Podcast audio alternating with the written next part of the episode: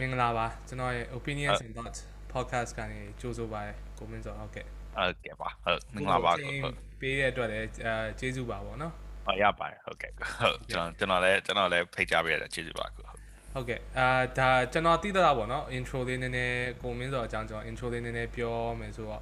ကျွန်တော်သိတာတော့ကိုမင်းစော America University တခုဖြစ်တဲ့ Georgia Tech မှာ အာ research computer science ဘိုင်းနဲ့ပတ်သက် researcher ပေါ့နော် professor level လို့ကျွန်တော်သိတယ်ပေါ့နော်အဲ့ဒါအာအဲအဲဟုတ်ကဲ့အဲ့တော့ကျွန်တော်ပြောရရင်တော့ဒီလိုမျိုးအမ်ဟိုမြန်မာနိုင်ငံမှာမွေးပြီးတော့ဒီလိုမျိုးပေါ့နော်အာနိုင်ငံခြား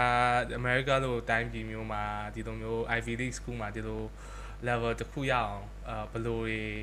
စူးစမ်းခဲ့ရတယ်ပြီးတော့အာ yeah uh, academic journey ပေါ့အဲအဲ့အရာလေးနည်းနည်း ပြောပြပါပြီးတော့ကျွန်တော်ခုနပြောသွားတာမှန်လားမှားလားဆိုတာလေးလည်း clarify လေးတစ်ချက်အဲလုပ်ပြီးပါဟုတ်ကဲ့ဟုတ်ကဲ့ဟိုအာ thank you ပါကိုဆိုရဟိုလေ Georgia Tech က um I I feel like a sport ဟိုအထဲမှာတော့ပါလာမပါလာတော့မသိဘူးဒါပေမဲ့သူ public ထဲမှာတော့တော်တော်လေးသူဆိုတာဖြစ်တဲ့ university တခုပေါ့နော် um ကျွန်တော်ကြတော့ grad research လုပ်နေတာပေါ့နော်အခုဟိုအကြောင်းမှာ grad research လုပ်တယ်ကျွန်တော် assistant lecturer အထိကျွန်တော်လုပ်ပြီးရပေါ့နော် အဲအကြောင်းမှာကျွန်တော်ဟို tenure professorship တော့ကျွန်တော်မရသေးဘူး tenure ဆိုတော့သူကအာအလောက်ကလောကတေးထားတာပေါ့နော် permanent ဖြစ်တယ်တတလုံးအတွက်သူကနေရာတစ်ခုရတယ် tenure မှာတော့ since ရှိပါတယ်သူ emeritus တူပါရှိတယ်ပေါ့နော်ကျွန်တော်ကျတော့ assistant lecturer ပုံစံမျိုးလုပ်တယ်ပြီးတော့ grad graduate research လုပ်တယ်ပေါ့နော် um graduate research လုပ်တဲ့အခါမှာလည်း obstacle တော့ရှိတယ်ဘာဖြစ်လဲဆိုတော့ဟို ကျွန်တော်ဟို citizen မဟုတ်သေးတဲ့အခါမှာကြတော့ကျွန်တော်တချို့ဟို military နဲ့ပတ်သက်တဲ့ research တွေပါဆိုကျွန်တော်ဝင်လုပ်လို့မရဘူးသူတို့ပေးတယ် project တွေပါပေါ့ data project တွေလုပ်လို့မရ computer science computer scientist တွေအများစုကြတော့အဲ့လိုမျိုး project တွေလုပ်ကြတာများတယ်ပေါ့နော်ကျွန်တော်ကြတော့ research ကဘယ်လို research တွေလုပ်လဲ user end user focus လုပ်တဲ့ research မျိုးတွေပို့လုပ်လို့ရပါတော့ကျွန်တော် academic journey ကနည်းနည်းလေး weird ဖြစ်တယ်ကိုဆိုရဟိုအဲကျွန်တော်ကကြတော့ငငယ်ထဲကဟို convent ကျွန်တော် convent ကျောင်းပါနော် Catholic convent ကျောင်းကျွန်တော်ငယ်ထဲကမိလိုက်ပို့တယ်အာပို့ပြီးတော့ကျွန်တော်နည်းနည်းအဲ multiracial multi ethnic ဖြစ်တဲ့မိသားစုကလာတယ် um အဲ convent ကျောင်းထွက်တယ်ပြီးတော့ကျွန်တော်ကျွန်တော်ကြာဟိုတန်ယုံကျောင်းမှာဗျာဟိုအိန္ဒိယတန်ယုံကျောင်းတစ်ခုရှိရပါတော့အဲဒီတန်ယုံကျောင်းမှာသူစုပြီးတော့ ဟိုဘယ်လိုပြောကလေးအများကြီးပဲအဲ basically ဟိုဒီဘူဂျီကများတာပေါ့နော်အဲ့အဲ့ကလေးတွေအများကြီးစုပြီးတော့ဟိုတင်တဲ့တိုင်အောင်ကျောင်းတစ်ခုမှကျွန်တော်ထားတယ်အများစုကတော့ကျွန်တော်မိဘရဲ့အရင် home school လုပ်တယ်အာပြီးတော့ general knowledge ပိုင်းပါညာကျတော့အဖေကအရင် support လုပ်ပြီးရပါတော့သူသူအဖေ extensively သူက literature ပိုင်းအရင်ပိုင်းတဲ့ခါကျတော့အဖေအဖေကျွန်တော်ဟိုကလုပ်ပြီးတယ်အဲ အာသူသူရဲ့ catalyst အများကြီးပါတာဗောနော်ဘေးနာထောက်ကူပြုတဲ့ဥစ္စာအများကြီးပါတယ် um ပြီးပြီးသွားတဲ့ခါကျတော့ဟိုအများစုကတော့ဟုတ်တယ် homeschooling ပုံစံမျိုးဖြစ်သွားတာဗောနော်အိမ်မှာအများစုစားလုပ်တယ်အဲအိမ်မှာအများစုဆရာမခေါ်တင်တယ်ပါတယ်ဗောနော်အာကျွန်တော် live ကျွန်တော် live ကြောင်းတယ်ပြောရရင်တော့အဲတခြားလူတွေထက်ဆိုင်တော့ကိုယ့်ကိုယ်ကို privilege check တော့ပြန်လုပ်လုပ်ချင်တယ်ဗောနော်အဲ့လိုမျိုးပါ plus ဆိုတော့အဲဒါ daily position ကလည်းဟို ဟိုကိုကိုဆိုရပြောလို့ဒီ talent တစ်ခုထဲတော့မဟုတ်ဘူးအများစုကတော့မိဘရဲ့ support တွေပါလည်းအများကြီးပါတာပေါ့နော်အဲအဲ့ဒါကြောင့်မလို့အဲ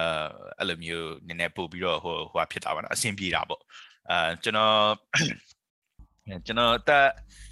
ဆက်ဆက်ခွန်ကျွန်တော်ဟို scholarship ရပါနော် Webster University scholarship ရတယ်ဒီ American University ပဲ scholarship ရတယ်အဲအဲ scholarship ရပြီးတော့ကျွန်တော်ဟို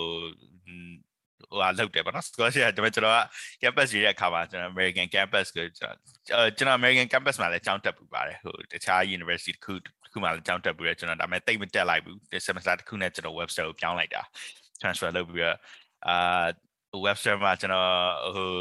ဒီခဏတက်တယ်တက်ပြီးကျွန်တော် Thai campus ကိုကျွန်တော် transfer လုပ်တယ် it's it's a very ဘယ်လိုပြောမလဲအရင် ဟိုဂျင်းလုံးလည်းကျွန်တော်အဆင်ပြေတယ်ပေါ့နော်ကျွန်တော် degree ကိုကျွန်တော် study abroad တွေရှောက်လုပ်တယ် Germany တို့ UK တို့ကျွန်တော်ရှောက်သွားတယ်ပေါ့နော်အဲရှောက်တာခရီးသွား experience လည်းနည်းနည်းပိုရအောင်အဲအဲ့အဲ့ဒါပြီးတော့မှကျွန်တော်နည်းနည်း research အတွေ့အကြုံရှိသွားတော့ time မှာကျတော့ကျွန်တော်တို့ research လုပ်ရတာဘာအဆင်ပြေလဲဆိုတော့ကျွန်တော် professor တယောက်နှစ်ယောက်တွေ့တယ်အဲတယောက်တွေ့ရကြတော့ဒေါက်တာ မာကိုတို့ဒေါက်တာအဲဒေါက်တာဘန်တို့ဆိုတာသူတို့ကကျတော့ Thai Royal Society တို့ဘာမှပါတယ်ပါတယ်ကျတော့သူတို့ research guidance တွေကျွန်တော်တို့အရင်အဆင်ပြေတယ်ပေါ့နော်ပြီးတော့ကျွန်တော်တချို့ project တွေက Thai ဆိုရ project တွေပါကျွန်တော်လုံးလုံးမိလိုက်တယ်ပေါ့အဲ့ချိန်တော့အဓိကတော့ connection လို့ပြောရမှာပေါ့နော်အဲ theory တော့အာဘယင်မ TV တုံတို့ဘာလို့မင်းသမီး TV တုံတို့ဘာလို့ fun လုပ်တဲ့ project ကျွန်တော်လုပ်လိုက်လုပ်လိုက်တော့ကျွန်တော် research ကအဆင်ပြေသွားတယ်အဓိကတော့အဆင်ပြေသွားတယ် bro ကျွန်တော်တို့ Georgia Tech entrance ကလည်းအရင်အဆင်ပြေတယ်ပေါ့နော်ဒီလိုမျိုးဖြစ်သွားဟုတ်ကဲ့ အိန္ဒိယခုနပြောရဲ့အကြောင်းမှာအဲတက်တယ်ပေါ့နော်တက်ပြီးတော့အဲ့ဒါတော့ရန်ကုန်မှာပဲပေါ့ရန်ကုန်မှာ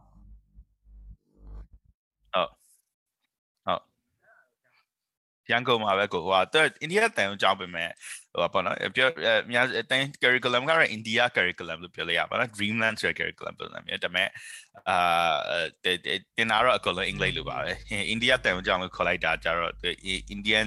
အဲ့လိုမျိုး embassy က ambassador တွေရဲ့ကလေးတွေပါအများစုတက်ကြတာဆိုတော့ဒါပေမဲ့ဖွင့်ထားတဲ့လူကလည်း Burmese Indian ပါပဲပေါ့နော်အဲ Burmese of Indian heritage ဟုတ်ကဲ့ဟိုလိုအိန္ဒိယနိုင်ငံသားဘယ်နှစ်ခုနှစ်လောက်မှာအဲရန်ကုန်ကနေပုံမင်းစောကျောင်းတော့အဆင်ပြေတဲ့ curriculum တွေပါဟုတ်ကဲ့အန်ဂျီဂျူလီမြန်မာအာ okay uh 20 20 2014 I'm completely gone ကျွန်တော်လုံးဝထွက်သွားပြီမရှိတော့ဟုတ်ကဲ့ကျွန်တော်အဲအဲ့ထဲကကျွန်တော်ထွက်သွားတာမြန်မာပြည်ကျွန်တော်ပြန်ညနေဆဲဆဲပြန်ဖြစ်တယ်အာဘယ်တော့မှတော့အဲ့ထဲကျွန်တော်ပုံမနေဘူးကျွန်တော်သွားလဲတာတွေပါတခြားနေရာတွေသွားလဲတာပါရှိတယ်အလုပ်ကိစ္စသွားတွေပါရှိတယ် ဥမာတောင်ငူတို့မြိုင်ချင်းငူတို့ကျွန်တော်သွားရဆိုအလုပ်ကိစ္စသွားရဆိုတော့ကျွန်တော်နေတယ်ပေါ့နော်ဒါပေမဲ့နေပြီးသားကျွန်တော်ပြန်ထွက်တယ်အာပြန်ထွက်တဲ့ reason ကလည်းဘယ်လိုလဲဆိုတော့အမှန်ပြောရင်တော့ကိုယ်နိုင်ငံဆိုတော့ကိုယ်ကနေချင်တာပေါ့နော်ပို့ပြီးတော့ဒါပေမဲ့အလုပ်ကိစ္စရှိတယ်ကျွန်တော်လည်းမနေဖြစ်ဘူးမနေဖြစ်ဘူးအာတခြားလူတွေနဲ့အလုပ်ဖြစ်အလုပ်လုပ်ဖြစ်ရင်တော့တိုင်းတိုင်းမိထဲမှာချိန်နေပါနော်ကျွန်တော်ကျွန်တော်ရဲ့အာ advantage ကပါလဲဆိုတော့ကျွန်တော် time မှာ base ဆိုပြီး research လာလုပ်တဲ့အချိန်မှာကျွန်တော်နိုင်ငံကိုပြန်ရတာအရင်လွယ်တယ်ကျွန်တော်တို့ ပြီးတော့ China accessibility အရင်ကောင်းတယ်ကျွန်တော်တို့တခြားနေရာပေါ့နော်တခြားနိုင်ငံတွေအတွက် accessibility အရင်ကောင်းတဲ့ခါကျတော့ကျွန်တော်အလုပ်လုပ်ရတာအဆင်ပြေတယ်ပေါ့နော်ဟိုကျွန်တော် Germany ကိုလင်းစီးကျင်တယ်ဆိုချက်ချင်းစီးလို့ရတယ်ကျွန်တော်ကျွန်တော် Thai အဲမမျိုးပြင်နေတဲ့အမေနဲ့ဒီလိုမျိုး level ရောက်ဖို့အတွက်ကိုဘယ်လောက်လောက်ကျွန်တော်တို့အရင်စူးစမ်းရတယ်ပေါ့ it's is it hard like အာဘယ်လို how is it အာဘယ်လိုပြောအောင်ဆိုရလားခက်ခဲလားဘာတွေကအခက်ခဲပို တွေ့ခဲ့လဲပေါ့အဲ maybe if like အာဒါမှမဟုတ်အဲ့ဒါလေးပေါ့ yeah i want to know what's what's the biggest ah yeah okay cool အဲကျွန်တော် social life တော့တော်တော်ဖြစ်တယ်ပေါ့နော်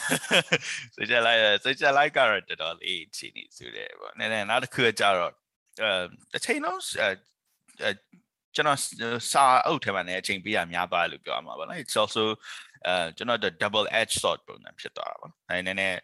အဲအဲ့ပေါ့နဲ့ထကွန်ဒါပုံလည်းဖြစ်နေတာပေါ့နော် social scale လည်းပြတ်တယ်နောက်တစ်ခုကကြတော့ကျွန်တော် connection လည်းရန်နေသွားပေါ့နော်ကျွန်တော်နည်းနည်းလေးအသက်ကြီးလာမှကျွန်တော်နားလဲပေါ့နော် it's not all about knowledge အာဟုတ်တယ် temporarily academic မှာအောင်မြင်ကြအောင် connection မရှိရင်လူကနည်းနည်းလေးဒုံတီဖြစ်တယ်ပေါ့နော်တိတ်ပြီးတော့အဆင်မပြေဘူး ဆိုတော့ကျွန်တော်ကျွန်တော်အားနေကြကျွန်တော်ရင်ပြပြပါတော့နောက်တစ်ခါကျတော့အဲဟုတ်တယ်ကိုဆွေးရပြောလို့ပဲတော်တော် advancement ရှိတယ်တော့လူကစာမာခြင်းအချိန်ပေးရတယ်ပေါ့နော် academic အထူးသဖြင့် academic တွေဆိုကိုဆိုတော့ကိုဆွေးရလည်းသိမှာပေါ့နော် paper အရင်ရေးရတယ် paper ဟိုဟို paper ရေးတယ် data set စုတယ် you know uh, uh hypothesis test လုပ်တယ်အဲကတော့ပုံမှန်ဥစ္စာတွေပါပဲဒါပေမဲ့ again အဲ့ဟာရ time consuming အရင်ဖြစ်တဲ့အခါကျတော့တခြားပေါ့နော်တခြား social aspect ဒီမှာအရင်ဒုက္ခရောက်တယ်အဲကျွန်တော်ကျွန်တော်မှာ theory တစ်ခုရှိရပါတော့ကျွန်တော်ထင်ကအာ social aspect ဒီမှာကောင်းတဲ့လူတွေကကျွန်တော်တို့လိုမျိုး academic ဟို academic ကိုအရင်ဖိပြီးလုပ်ရမလို့ပဲနဲ့အောင်မြင်တယ်ဗျာဒီမှာကျွန်တော်ကျွန်တော်ထင်တာပေါ့နော်ကျွန်တော်ထင်တာပါသူတို့တစ်ဖက်တစ်လမ်းနဲ့သူတို့ like မိနိုင်တယ်ပေါ့နော်အဲဒါပေမဲ့ academy academy အားမှာပဲကောင်းတယ်လူကကြတော့ လူလဲမြင်ကတ်ခံရတယ်တိတ်ပြီးတော့ snobby လို့လည်းအချိန်ခံရတယ်အဲဒါမဲ့ဟို computer science တော့လူတိတ်မတုံချင်ကျွန်တော်ထင်တယ်အဲ့ဒါတိတ်တိတ်ပြီးတော့ဟို accessible မဖြစ်ဘူးတချို့ nobody has the technical knowledge like you guys do right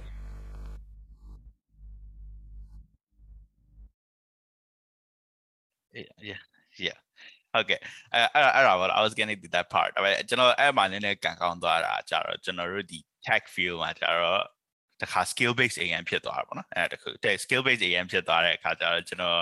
အာ so that that was a good point ကျွန်တော်ဟိုဘယ်လိုပြောမလဲလူသိပ်ပြီးတော့ဟို ကိုမှ social skill မရှိတော့များလဲပဲလူတွေကနည်းနည်းပို့ပြီးတော့ဟိုပေါ့နော် talent seeking အရင်များတဲ့အတွက်အဲနည်းနည်းပို့ပြီးတော့အထင်ရှားဟိုဘယ်လိုပြောမလဲနည်းနည်း conspicuous ဖြစ်ရတာလွယ်တယ်ပေါ့နော်လူမြင်ရတာပိုလွယ်တယ်ပေါ့နော်အဲဒါပေမဲ့ကျွန်တော်ကျွန်တော်လုပ်ခဲ့တဲ့ field အများစု research များစုကကြတော့ interdisciplinary ဖြစ်တယ်ပေါ့နော် physics ပိုင်းပါမှာမပါရင်တခြားပေါ့ဟို data science ဆိုတာလည်းတသက် field တစ်ခုပုံစံဖြစ်နေတယ်အဲ့ရလူတွေပိုင်းပါမယ်အာဒါမှမဟုတ်ရင်လည်းဟို biochemistry ကလူတွေပိုင်းပါမယ်အဲအဲ့လိုမျိုး field ကြတော့သူက connection တွေပါရှိမှပို့ပြီးတော့အဆင်ပြေတာဆိုတော့ကျွန်တော်နည်းနည်းလေး lucky again ကျွန်တော်ပြောရရင်တော့ကိုယ့်ကို lucky ဖြစ်တယ်လို့ပဲပြောရမှာပေါ့နော်ကံကောင်းတယ်တော့ကျွန်တော်တို့ field talent ကအရင် conspicuous ဖြစ်တယ်အဲပြီးရင်ကျွန်တော်အဲ့ဒါကိုကျွန်တော် feel ကကျွန်တော်အဲ့ဒါ connection အကြောင်းဘာမှသိလဲဆိုတော့ကျွန်တော်2018မှာကျွန်တော်ဒီ American ဟိုပေါ့နော်အစိုးရပိုင်းနဲ့ NOA ဆိုတဲ့ organization တခုမှကျွန်တော်ဟိုပေါ့နော်ဟိုသူကတော့ဒီတကဘာလုံးနဲ့ ပတ်သက်တဲ့ဒီ weather research တွေပါသူတို့လုပ်တာပေါ့နော် American government ဥစ္စာပဲအဲ့အဲ့မှာလဲကျွန်တော်ရန် sensitive ဖြစ်တဲ့ project တွေလုပ်လို့မရဘူးပေါ့နော်ကျွန်တော်နိုင်ငံသားမဟုတ်တော့အဲအဲ့ NOA ကဒီကျွန်တော် Hawaii off base project မှာကျွန်တော် data သွားစုတာပဲကျွန်တော်တို့လုပ်တယ်လုပ်တဲ့အခါကျတော့အဲကျွန်တော်အရင်အရင်နားလည်သွားတာကျတော့အဲ Hawaii of အဲ့အဲ့ Pacific Hawaii အဲ့ data collect လုပ်ဖို့ သွားဖို့ဆိုရင်တင်းမောလိုတယ်တင်းမောလိုတယ်ဆိုတော့အဲ့တင်းမောမောင်းတဲ့လူတီးဖို့လိုတယ်တင်းမောမောင်းတဲ့လူကလည်းရိုးတီးလို့မရ NOA က project လုပ်တဲ့လူတီးဖို့လဲ surface temperature ကိုတိုင်းနိုင်တဲ့လူဖြစ်ရမယ် pH အဲ့ pH တိုင်းနိုင်တဲ့ capacity ရှိရမယ်အဲ့ဒီ boy ပေါ့နော်ထားထားတဲ့ boy အတုံးတွေ access လုပ်နိုင်တဲ့လူဖြစ်ရမယ်ပေါ့နော်အဲအဲ့လိုမျိုး အရင် specification များလာတော့ကြတော့ကိုကအဲ့ field ထဲမှာကျွမ်းကျွမ်းဝင်ဝင်လူတွေနဲ့တည်ထားမှအဆင်ပြေတယ်ပေါ့နော် again ကျွန်တော်က connection ရှိရမယ်ဆိုတာတချို့ science field မှာကျတော့ connection လိုတယ်တချို့ field ကျတော့ဥမာဒီ computer science တို့ပြောကျတော့အရင်ဟို technical expertise ကိုအရင်အားပေးတယ်ပေါ့နော် so ကျွန်တော်အဲ့အဲ့နှစ်ခုကို again I think I'm lucky ကျွန်တော်အရင်ကကောင်းတယ်လို့ပဲပြောရမှာပေါ့နော်ကျွန်တော်အဲ့နှစ်ခုကျွန်တော်အတွက်အဆင်ပြေသွားတယ်ပေါ့နော်အဲနောက်ပိုင်းတော့လည်းကျွန်တော်နည်းတတိထားပြီးတော့လူတွေနဲ့နည်း line mate ဆက်တဲ့စကားပြောတယ် အာပြီးရင် email ကို email တွေပါ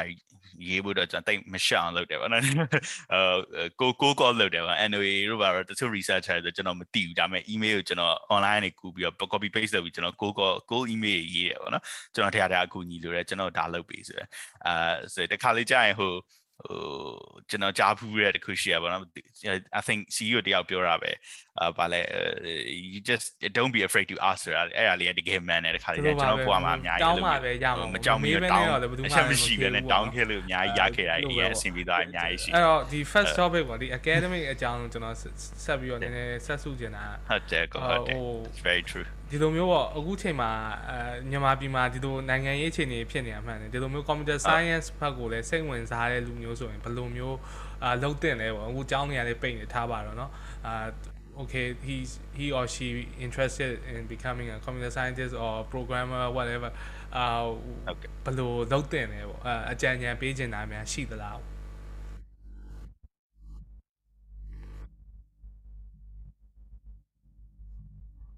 ဟုတ်ကဲ့အားလေအာ ကျွန်တော်ကတော့ကျွန်တော်ကိုယ်တိုင်လည်းသုံးချခဲ့တဲ့ resource တွေရှိရပါတော့ကျွန်တော်ကျွန်တော်ကတော့ကျွန်တော်ဟိုဘယ်လိုပြောမလဲ online resource တွေအရင်သုံးစီခြင်းနဲ့ internet မရှိတဲ့ကလေးတွေအများကြီးရှိမယ်လို့ထင်တယ်ပေါ့နော်အဲအဲ့လိုအချိန်တွေမှာဆိုရင်ကျွန်တော်ကဘယ်လိုလုပ်စီခြင်းဆိုတော့ data ကိုမရှက်မညွန့်ပေါ့နော် download လုပ် I'm not in states I don't pirate လို့ကျွန်တော် sorry နော်ကိုစီရ platform တုံးပြီး piracy အကြောင်းတွေပြောနေပါတော့ yeah ဘာလို့လဲကျွန်တော်တို့ again okay DM DMC DMCA rule doesn't apply to you so that's good အဲကျွန်တော်တို့ဒီ computer science ကလူအဲကျွန်တော်တီးတလောက်ပေါ့နော် science ဘက်ကလူလို့ကျွန်တော်ပြောလိုက်မယ်ပေါ့နော်ကျွန်တော်ကျွန်တော်အများအများစုပြောလိုက် science ဘက်ကလူတွေကကို paper ကိုအလကားပေးခြင်းတယ်ဗျာကျွန်တော်တို့ email ရေးတာတို့ပါလို့ဆိုရင်ကျွန်တော်တို့က we give we want to give it out for free ကျွန်တော်မှာ resource တွေလည်းတချို့ခါတွေမှာကြာကျွန်တော် DOI number တို့ publisher နဲ့တွားပြီးတော့ညှိကြရပါဆိုရင်ကျွန်တော်တို့ကတွားပြီးအလကားရော့ယူလို့ပေးလို့မရဘူးဒါပေမဲ့ email ပို့ရင်ကျွန်တော်တို့ကအလကားပေးလို့ရတယ် we can give it out for free ကျွန်တော်တို့မှာအဲ့ loophole လေးရှိရပါတော့ကျွန်တော်ကတကယ်ပေးခြင်းတယ်အဲတချို့နေရာမှာ publisher ပဲ paper တွေကို80တို့80တို့နဲ့ရောင်းတယ်ကိုရီးယားလည်းတည်တယ်ကိုရီး paper အရန်ညံ့တယ် အဲ့လောက်မတန်ဘူးဘလို့မှမတန်နိုင်ဘူးတစ်ချက်တော့မတန်ဘူးပေါ့နော်ဒါပေမဲ့ပေးနေတယ်ကျောင်းသားတွေဖေးဖက်ကျင်တယ်ဒီလိုကျောင်းသားဆိုကျွန်တော်တို့လည်းကျောင်းသားပဲလीနော်ကျွန်တော်ဖေးဖက်ကျင်တယ်အကုန်လုံးအဲဒါပေမဲ့ email မပို့မပို့ပေါ့နော်ကျောင်းသားရှက်တာလည်းပါမယ်ဒါပေမဲ့ social pressure လည်းပါမယ်ပေါ့နော်ကျွန်တော်အဲ့ဒါမျိုးပို့ပြီးတော့ reach out လုပ်စီခြင်းတယ်ပေါ့နော်အမ်ကျွန်တော်ဆိုလဲကျွန်တော်အမြဲတမ်းလိုက်ပြီးတော့ offer လုပ်တယ်ကျွန်တော်ဆိုရင်ဒီ US က500 academic list တို့ပါတော့ထမကျွန်တော်ပါအောင်လုပ်ထားရပါတော့။ဘာဖြစ်လို့ mentoring list ပေါ့နော် Ivy League ကဟိုအဲ့ဒီ lecturer လုပ်နေတဲ့လူတွေ list ထဲမှာကျွန်တော်ပါအောင်လုပ်ထားတယ်နောက်ဆုံးညီမမဟုတ်ရင်တော့ကျွန်တော်ဒီကဟို underprivileged ဖြစ်နေကလေးပဲဖြစ်ဖြစ်ကျွန်တော်တွေ့ရပါတော့။ညီမပြည့်ရဲ့ကျောင်းသားကျွန်တော်ကြံပေးချင်တာကတော့ရတဲ့ resource ကိုရတယ်လို့အသုံးချပါတော့။ online မှာဆိုရင်ကျွန်တော် resource အရင်စုံတယ်။ Khan Academy ကနေစပြီးတော့ဒီတခြား computer science နဲ့ပတ်သက်တဲ့ coursework တွေသင်ပေးတဲ့ဥစ္စာပါနော်။ ကျွန်တော်အကြံပေးချင်တာတခုကတော့ theory ဘိုင်းသွားမယ်ဆိုရင် computer science ကိုသင်ချဖို့ပိုင်းအောင်လုပ်ပါပေါ့နော်အဲလူတွေကတော့ပြောလိုက်မယ်အာ computer science ဖြစ်ချင်တယ်ဟိုဟို software engineer ဖြစ်ချင်တယ်ဆိုရင်သင်ချမလို့လို့ပြောလိုက်မယ်ဒါပေမဲ့ research ဘိုင်းသွားမယ် theory ဘိုင်းသွားမယ်ဆိုရင် linear algebra တို့ calculus တို့အရင်ပိုင်းဖို့လိုတယ်ပေါ့နော်အဲဒါတခုကတော့ကျွန်တော်တော်တော် regretful ဖြစ်တဲ့ဥစ္စာပေါ့ကျွန်တော် high school မှာအဲ့လောက်အမထုတ်ခဲ့ဘူးအာဒါပေမဲ့ it was ကျွန်တော်ညီမကြောင်လည်းဖြေခဲ့တာအောက်တနေ့နော်အဲစိန်ပေါ်မှာကျွန်တော်ဖြေခဲ့တယ်ဆိုတော့အဲကျွန်တော်တို့အဲနည်းနည်းတင်ချာတီးထပုံနဲ့ဖြစ်သွားတယ်ကျွန်တော်နည်းစပြန်လောက်ရတယ်ပေါ့နော်အဲဟာအခုတော့အဆင်ပြေသွားပြီဒါပေမဲ့အဲ AI တို့ machine learning လို့လုပ်မယ်ဆိုရင်ကျွန်တော် linear algebra ရန်လို့ရတယ် အာ discrete mathematics လုပ်မယ်ဆိုရင်ကျွန်တော် logic operator တွေ logic language တွေဘယ်လိုရေးရလဲအရင်လို့တယ်အဲ့ဒီအဲ့ဒီဟာရေးဖို့အတွက်တခါ calculus နားလည်ဖို့လိုတယ်ပေါ့နော်အဲပြီးရင် proof လို့ theorem လို့ရေးရာတွေပါကြတော့တခါလေကြာရင်ကျွန်တော်တို့က uh we take it for granted ဒါပေမဲ့အဲအဲကပြောရင် snobby ဖြစ်တယ်ပေါ့နော်တိတ်မလို့လို့ထင်ရတယ်ဒါပေမဲ့ academy ရသွားမယ် research file လုပ်မယ်ဆိုရင် it's very important အရင်အရေးကြီးတယ် အဲ့ဒါ AG အ theorem ဘယ်လိုရေးရတယ်ဘယ်လိုနားလည်အောင်ရှင်းပြရတယ်အဲ့တော့ထားပါတော့နော်10တန်းတို့ GC O level တို့ဖြည့်တော့ကျွန်တော်ဆို discrete mathematics class ကို fail ဖြစ်တယ်အဲမမှတ်မိတော့ဘာမှမရှိတော့ခေါင်းထဲမှာ like nothing like differentiate ဆိုရင်နာမည်တော့သိတယ်ငါသိတော့သိလို့ပဲ dx dy တော့ငါသိတယ်ကျန်တာတော့စမသိတော့ဘူးအဲ့လိုမျိုးပေါ့နော်အဲဒီဒီကျန်တာတော့မသိအဲ့ပါဟုတ်တယ်ဟုတ်တယ်ဟုတ်တယ်ကျွန်တော်လည်း ကျွန်တော်လည်းအဲ့လို position ပဲဖြစ်သွားတာပေါ့နော်ကျွန်တော် undergrad ပြီးသွားတော့တော်တော်လေးကိုတင်ချညံ့တယ်လို့ကွက်ကူယူဆလိုက်တယ်ပေါ့နော်အာကျွန်တော်ဘာလုပ်လဲဆိုတော့ကျွန်တော်ကိုယ်တိုင်လဲကျွန်တော်မရှက်မယွန့်အာကျွန်တော်ကိုယ်တိုင်ကျွန်တော်ဒီအာ graduate school ကိုမသွားခင်မှာကျွန်တော်အချိန်ယူပြီးတော့ Khan Academy မှာကလေးတွေလုပ်တဲ့စာကိုကျွန်တော်ပြန်လုပ်တယ်ပေါ့နော် because basic and foundation is very important အဲကြကျွန်တော်က ညီကိုတွေအကုန်လုံးကိုပြောချင်တာကမရှက်နဲ့ပေါ့ like don't be shy ဟာငါ10တန်းစာကိုပြန်ကြည့်နေရရှက်စရာအဲ it's okay ဒါဘာမှဘယ်သူမှလည်းသိစရာမလိုဘူးနောက်အဲ့ဒီကထွက်လာတဲ့ကိုကကိုယ့်ရဲ့အရေးချင်းရတာ is very important အဲ့အဲ့ထဲမှာဘာဖြစ်သွားလဲဘယ်ကိုကဘာဘဲစာတွေပြန်ဖတ်နေရလဲအရေးကြီးကြအရေးမကြီး you know ကျွန်တော်အဲ goal တစ်ခုရောက်ဖို့အတွက်လှုပ်တင်တာလည်းလုပ်ရမှာပေါ့နော်ကျွန်တော်ကြံပေးချင်တာမရှက်ကြပါနဲ့ပေါ့ကျွန်တော်လည်းအဲ့လိုမျိုးရှက်ခဲ့လို့ကျွန်တော်ပြောတာပေါ့နော်အဲ 10တန်းအစာကိုပြန်ကြည့်ရလို့အရန်ဟိုမရှက်မနေနဲ့ပြီးရင်တစ်ခါလေးကြာရင် statistic တို့ပါလို့ဆိုအရန် basic ဖြစ်တယ်ဒါပေမဲ့ကိုကမေ့သွားတယ် Bayesian theorem တို့ပါလို့ဆိုရင်အရန် basic ဖြစ်တဲ့ဥစ္စာတွေဒါပေမဲ့တစ်ခါလေးကြာရင်ကျွန်တော်တို့လည်းမေ့တယ် ကျွန်တော်ဘေးနားမှာရှိရတကယ် professor ကြီးအာရှုပ်ကိုဝဲတို့ပါလို့ကျွန်တော်သိတယ်ပေါ့နော်တကယ် Turing Award တို့ပါတော့ရမလို့ဖြစ်တဲ့ professor သူတို့လည်းမေ့တယ် they forget about it all the time အကုန်မေ့တယ်သူတို့လည်းသွား Google လုပ်ပြီးပြန်ရှာပြီးကြည့်တာပဲအကုန်လုံးအာဆိုတော့ကျွန်တော်ကြံပေးတင်တာတော့မေ့သွားလို့မရှက်နဲ့တက်တက်လုံးချက်စရာမလိုကိုမှ resource တွေရှိရဆိုတော့ဒီဟာအဲ့ resource တွေဘယ်လိုမျိုးအသုံးချမလဲ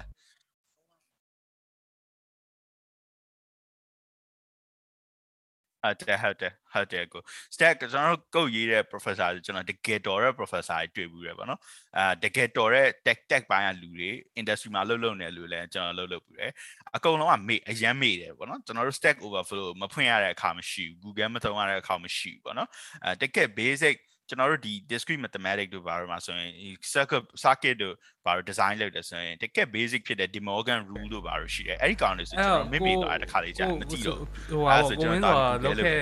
project တွေထဲမှာအဲ့လိုမျိုးပေါ့နာမည်ကြီးကုန်ပြီပေါ့ခုနပြော Google တို့ like အဲ့လိုမျိုးအာ Facebook တို့ဘာလို့လဲအဲ့လိုမျိုးအာအလုပ်လုပ်ခဲ့ဘူးတာရောရှိလားဒါမှမဟုတ် did you contribute something to like everyday something we are using or အာရှိအဟုတ်ကဲ့ရှိအာ I wouldn't I mean ကျွန်တော် လုပ်ခဲ့ပြီး project တွေတော့ရှိရပါတော့ feature project လေးရှိတယ်ဒါပေမဲ့အာကျွန်တော် private company နဲ့လုပ်ခဲ့ဆိုတော့တိတ်တော့မပြောချင်ဘူးဒါပေမဲ့အဲ့အဲ့လို fan နဲ့ company တစ်ခုနဲ့တော့ကျွန်တော်လုပ်ပြပါတယ်ခင်ဗျာဟိုပါလေအာ internship ပုံစံမျိုးကျောင်းကလာခေါ်ပြီးတော့လုပ်ခိုင်းလို့ကျွန်တော်လုပ်လုပ်ခဲ့ပြီးရပါတော့ဟုတ်အာ everyday feature It's really hard to say ကျွန်တော် spamming feature တခုတော့ကျွန်တော်လူတစုနဲ့ရေးပြီးတယ် I don't know if it's still in use or something but a spamming ကို AI နဲ့နောက်ပိုင်းလုပ်တာပါနော်ကျွန်တော်လုပ်ပြီးတဲ့ interesting feature တခုပြပြမှာပေါ့နော်ကျွန်တော် spam filter email spam filter သုံးပြီးတော့တင်တာပုံစံမျိုးလုပ်တာပေါ့နော်အဲ့ဒါလေးတခုတော့စမ်းရေးပြီးတယ်အဲ့ဒါလည်းရေးတာ fan ပုံစံ company တစ်ခုမှပဲရေးခဲ့တာပေါ့နော်အဲအဲအဲ့ project ကြီးကတော့ exciting ဖြစ်ဖို့ကောင်းတယ်ဘာဖြစ်လို့ဆိုတော့ Tinder ဆိုတာကလည်းကျွန်တော်တို့ email ရဲ့ filter ကိုပဲအခြေခံတာပေါ့နော် spam filter ပဲအခြေခံတာ email တစ်ခုက spam ဖြစ်လားမဖြစ်လားကို inbox ထဲမှာလိုချင်လားမလိုချင်ဘူးလားဆိုတာ determine လုပ်တာ not spam နဲ့ spam ပဲရှိတယ် binary လို့ပြောလို့ရတယ်အဲ့ဟာကိုပဲအခြေခံပြီးတော့ကျွန်တော် Tinder တို့ပါပဲသဘောတရားလာတာပေါ့နော်ကိုဆိုးရကို date ချင်တာမနေချင်ဘူးလားအဲ့လိုအဲ့လိုမျိုးပေါ့နော်အဲ့အဲ့ဟာလေးတခုကကျွန်တော်ရေးပြီးရစိတ်နေတာကျွန်တော်ရတော့အရင် academic ဆန်မယ်ထင်တယ်ကျွန်တော်ရေးရဥစားရဟိုအာ C++ ကကျွန်တော်ရေးခဲ့တဲ့ဥစားဒီ company ကြီးတစ်ခုမှာကျွန်တော် intern လုပ်နေတော့ကျွန်တော်ရေးခဲ့တာဆိုရင် အာ networking library ပေါ့နော်ဒီဒီကျွန်တော်တို့ဒီ computer မှာရှိတဲ့ network ကတ်တွေကို communicate လုပ်တဲ့ library တစ်ခုကျွန်တော်ရေးခဲ့တယ်ပေါ့နော် so other is a boring project တွေပါပဲအာအာကျွန်တော် robot framework ကို contribute လုပ်ခဲ့တယ်အဲ့ဒါတော့ဟုတ်တယ် sorry အဲ့မေးသွားတာနော်အဲအဲ့တော့ကျွန်တော် conference တွေပါမှာတေချာတော့ပြောဘူးတယ်စာ online မှာလည်းရှာလို့ရမယ်ထင်တယ် Python conference မှာကျွန်တော်ပြောရပါတော့အဲအဲ့ကောင်ကကြာ robot framework ကကြာတော့အခုတော်တော်များ company တော်တော်များများတုံးတယ်ပေါ့နော် Facebook ကနေစပြီးတော့ဟို Netflix ကြီးအကုန်လုံးမှတုံးတယ်အဲ robot framework တော့ကျွန်တော် contribute လုပ်ခဲ့ပြီးရပါတော့အဲကောင်ကကြာတော့ uh front end user testing library ပေါ့နော်သူကအာအကို feature တစ်ခုရေးလိုက်တယ်ဆိုရင်အဲ့ feature ကိုအာ test pass ဖြစ်လာမဖြစ်လာစစ်တာပေါ့နော်အဲ့ robot framework တော့ကျွန်တော် contribute ကောင်းကောင်းလုပ်တယ်နောက်ထပ်တစ်ခု panda မှာကျွန်တော်အာတစ်ခါနှစ်ခါ comment လုပ်ပြီးရပါတော့ so i wouldn't say it's a big အဲ့တော့နောက်ကျွန်တော်အများကြီးတော့ကျွန်တော်လုပ်တယ်လို့မပြောဘူးကိုမင်းဆိုတာဒီကျွန်တော်လုပ်ခဲ့ရရရှိပါတယ်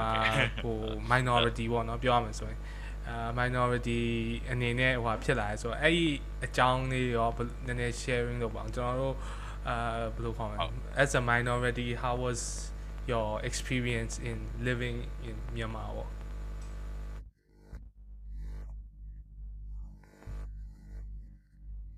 Yeah just your အာကျွန်တော် anecdotes ကျွန်တော်အနေနဲ့တော့ကျွန်တော်ပြောမယ်ပေါ့နော်ကျွန်တော်အကုန်လုံးတော့ represent လုပ်ပြီးတော့ ဟိုမပြောမပြောချင်ဟုတ်ကဲ့ဟုတ်ကျွန်တော်ကျွန်တော် experience တွေပြပြရင်ဟုတ်အာအကုန်လုံး represent မလုပ်ချင်ဆိုတော့ကျွန်တော်ပထမတစ်ခုကကျွန်တော်သူတို့လောက် suffering မရှိဘူးလို့ကျွန်တော်ခံစားရတယ်ပေါ့နော် I didn't suffer as much as my some of my fellow countrymen အဲကျွန်တော်ကျွန်တော်အရင် privilege ဖြစ်တဲ့ position ကလာလို့ကိုယ့်ကိုယူဆရတယ်ပေါ့နော်အာကျွန်တော် um minority တယောက်အနေနဲ့ပို့ဆိုးတာကြောင့်ကျွန်တော် interracial inter intermarriage အဲ့လိုပုံစံမျိုးကလာတာပေါ့နော် interracial marriage ပုံစံမျိုးလာတာဆိုတော့ကျွန်တော်အတွက်ကလည်းနည်းဒီတဲ့အာကျွန်တော် identity ကိုကျွန်တော်ရှားတာနည်းနည်းခက်တယ်ပေါ့နော်ငကိုထဲကကျွန်တော်တိုင်းပြည်က identity crisis ရှိတဲ့နိုင်ငံလို့ကျွန်တော်မှတ်မှတ်ထားတဲ့နိုင်ငံပေါ့နော်အကုန်လုံးကကိုယ့်ရဲ့အာ singular national identity ပဲဖြစ်ဖြစ် ethnic identity ပဲဖြစ်ဖြစ်အတိအမှတ်ပြုခြင်းအာအာ ဟိုဒီဒီပေါ့နော်ဒီ majority ကြီးဆိုတဲ့ဒီ majority ပမာကြီးဆိုတဲ့နိုင်ငံမှာအတိမတ်ပြုခြင်းခံရဖို့အတွက်တော်တော် struggle ဖြစ်နေရတဲ့နိုင်ငံမျိုးဆိုတော့အကုန်လုံးမှာ identity crisis နေငယ်ရှိကြတယ်ပေါ့နော်ငါတို့အဲငါကချင်ဖြစ်လားငါကရင်ဖြစ်လားကချင်ကရင်ကဒီလိုမျိုးပမာ permanization လောက်ခံတဲ့ state မှာဘယ်လိုဆန့်ဝင်လဲဆိုတဲ့ဥစ္စာမျိုးပေါ့နော်ကျွန်တော်အတွက်ကကြတော့အာကျွန်တော်ကရခိုင်လားကျွန်တော်ရခိုင်မွတ်စလင်လားကျွန်တော်ရခိုင်မွတ်စလင်ဆိုရင်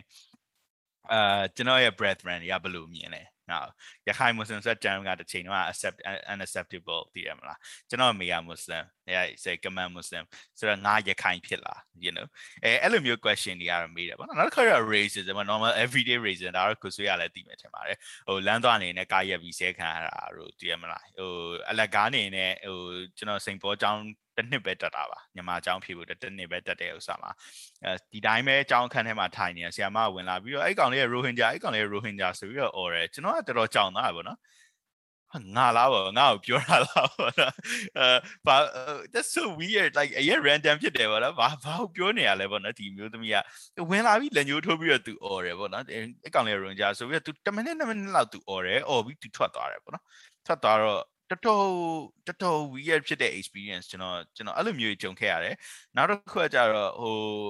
အဲ exclusionary ဖြစ်တာပေါ့နော်နည်းနည်းလေးကိုယ့်ရဲ့ identity ကြောင့် exclusionary ဖြစ်တာအဲကျွန်တော်ကဟို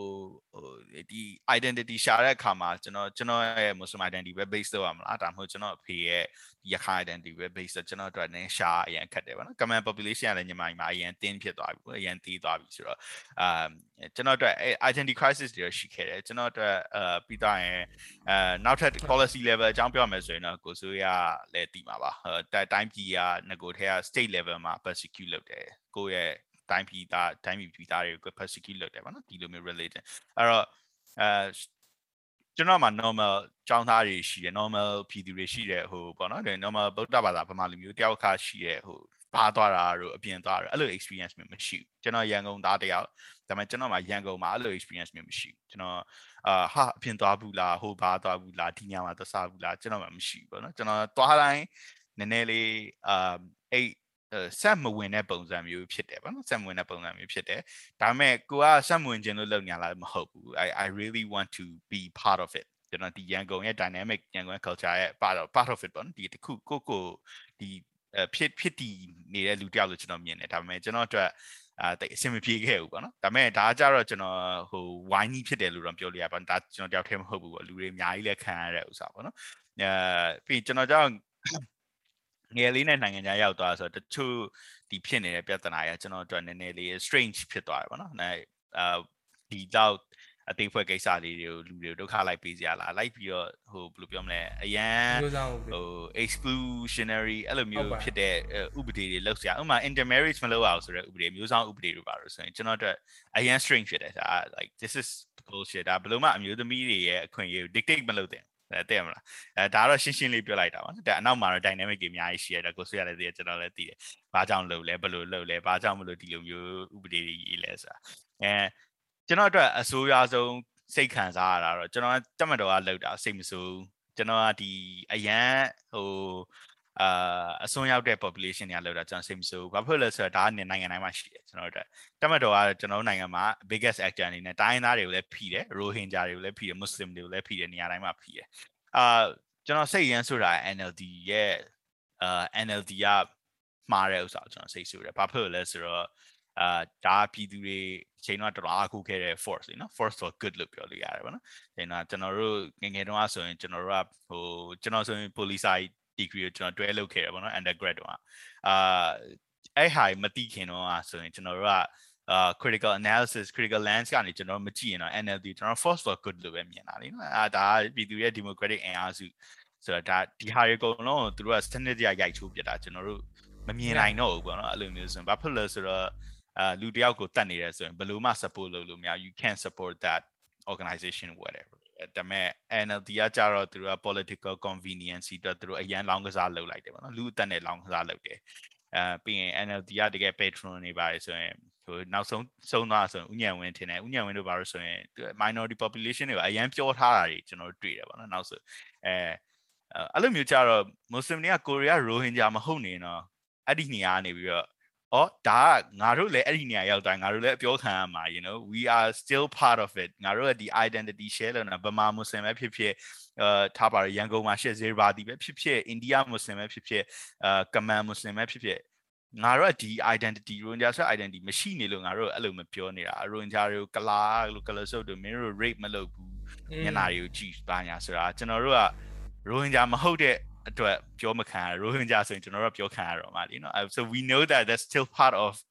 uh သူတို့ရဲ့ racism သူတို့ရဲ့ဒီပေါ့နော် deep seated islamophobia လာတယ်ဆိုတော့ကျွန်တော်တို့သိရပါတော့ we know that but အဲတချို့နေရာကျ subject မလောက်ခံမလောက်ခံရတာဘာဖြစ်လို့လဲဆိုတော့ဟို identity လေးနည်းနည်းလေးအလွဲပြောင်းဖြစ်သွားလို့သိရမလား technique ကျွန်တော်တို့ဟိုကျွန်တော်တို့ racist ဖြစ်ရတာမလွယ်လို့ကျွန်တော်တို့ဟိုအဲ့ဒါကြောင့်မလို့မလုပ်တာပေါ့နော် so စိတ် တော့တော်တော်မကောင်းပါဘူးကိုချစ်တဲ့ပြီနော်ကျွန်တော်တို့ဆိုရင်အာကျွန်တော်အဖေနဲ့အမေဆိုရင်ကျွန်တော်တို့ဆိုကိုယ့်ကိုကိုကိုယ့် identity ကိုဘယ်သူမှ proof လုပ်စရာမလိုဘူးကိုလာတဲ့နေရာကိုနေလာတာဒီမှာနှစ်ထောင်နဲ့ချီနေပြီ we don't need to prove it to anyone ဒါပေမဲ့အာတခါကျရင်အရန်တော့ဟိုတိမ်ငယ်တဲ့စိတ်တော့ဖြစ်တာပါနော်အဒါကိုကြီးခဲ့တဲ့နိုင်ငံကိုနေခဲ့တဲ့နိုင်ငံ you know အာ အာကိုကိုကိုရီကိုမြေပေါ့နော်လမ်းလျှောက်ရင်အကုန်လုံးကကိုပိုင်တဲ့ပုံစံမျိုးဖြစ်နေတာလေ we belong to it right အဲဒါပေမဲ့ဟိုစနစ်တကျ tactically ကျွန်တော်တို့ဖယ်ရှားခံရတာဆိုတော့အဲ experience ကတော့တိုင်းပြည်နဲ့အရင်အစိမ့်ပုံနဲ့ပြောတာပြောပါကိုမင်းဆိုတာဒီကမန်ဒါလည်းစနစ်တကျလောက်ခံရတာပါပဲ systematically ဖြစ်တယ်ဆိုတော့ဒီအာကိုမင်းတော့ရခိုင်မှာရောအဲ့လိုနေဘူးနေဘူးလားမသိဘူး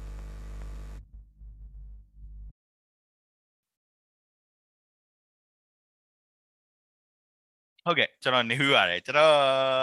ဟာတာနေလည်းပြောပါစေကျွန်တော်ရခိုင်နေပြီးရခိုင်လည်းခဏခဏသွားပြီးတယ်အဲကျွန်တော်မိသားစုနဲ့အဲကျွန်တော်မှမိသားစုအများဟုတ်ကဲ့အများစုမဟုတ်100%အကုန်လုံးရခိုင်ကလာတာပေါ့နော်ကျွန်တော်အဖေဘက်ကရောကျွန်တော်မိဘကျွန်တော်အဖေကတော့ရခိုင်ပေါ့နော်ကျွန်တော်အမေကတော့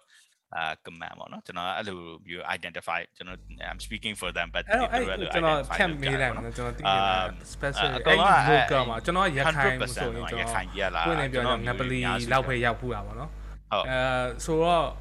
I don't know much about it so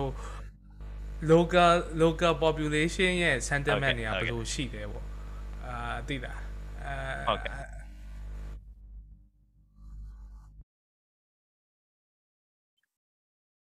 အကျွန်တော်တို့အဲကိုဆိုရလည်းတိပဲထဲပါနည်းနည်းပြကျွန်တော်တို့ local problem အခုကတော့နည်းနည်းအမြင်ပြောင်းလာပါတော့အဲ Arcanami ရဲ့ after the surge of Arcanami ကျွန်တော်ထင်ရနည်းနည်းဒီ pan Arcanism ကျွန်တော်အကုန်လုံးတော့ again ကျွန်တော်ရဲ့အမြင်ကိုပြပြတာပေါ့နော်အဲကျွန်တော်ထင်ရရခိုင်ပြည်သူလူထုထဲမှာ Muslim တွေလည်းရှိတယ် Muslim တွေလည်းတန်တီခွင့်ရေးပေးရမယ်ဆိုတဲ့ဥစ္စာအခုနည်းနည်းလေးပေါ်လာတယ်ပေါ့နော်အဲသူတို့နဲ့ညီတူညီမျှနေထိုင်ရမယ်ဆိုတဲ့ reality လေးနည်းနည်းလေး အာစင်မော်ရောက်လာနည်းနည်းလေးရောက်လာလို့ပဲကျွန်တော်ပြောပါဒါပေမဲ့ local population sentiment တော့အရန်ဆိုးတယ်ခင်ဗျဟိုအထူးသဖြင့် Arkanis ပေါ့နော်ရခိုင်ရခိုင်အများစုပေါ့နော်ရခိုင် majority ကကြတော့အာကိုဆိုရတည်တဲ့အတိုင်းပဲဒါ Muslim တွေ resistant ဖြစ်တယ်ပေါ့နော်အရင်တော့အဲ့လိုမဟုတ်ခဲ့ဘူးကျွန်တော်တို့ကျွန်တော် ဒါကလည်းဟိုကျွန်တော်ကျွန်တော်ဒီ narrative ကို white wash လုပ်တာမဟုတ်ဘူးဗောနော်ရခိုင်ပြည်ဆိုရင် diverse ဖြစ်တဲ့နေရာရင်တော့မြောက်ဦး kingdom တို့ဘာလို့မှ muslim တွေဆိုရင်နေရာရခဲ့တယ်ဗောနော် Burmese invasion မလာခင်အထိဒီနေရာတကက် multiculturalism ကို enshrine လုပ်ထားတဲ့နေရာဗောနော်ညဒါဟိုအနောက်တိုင်းက researcher တွေရောဒီ white colonial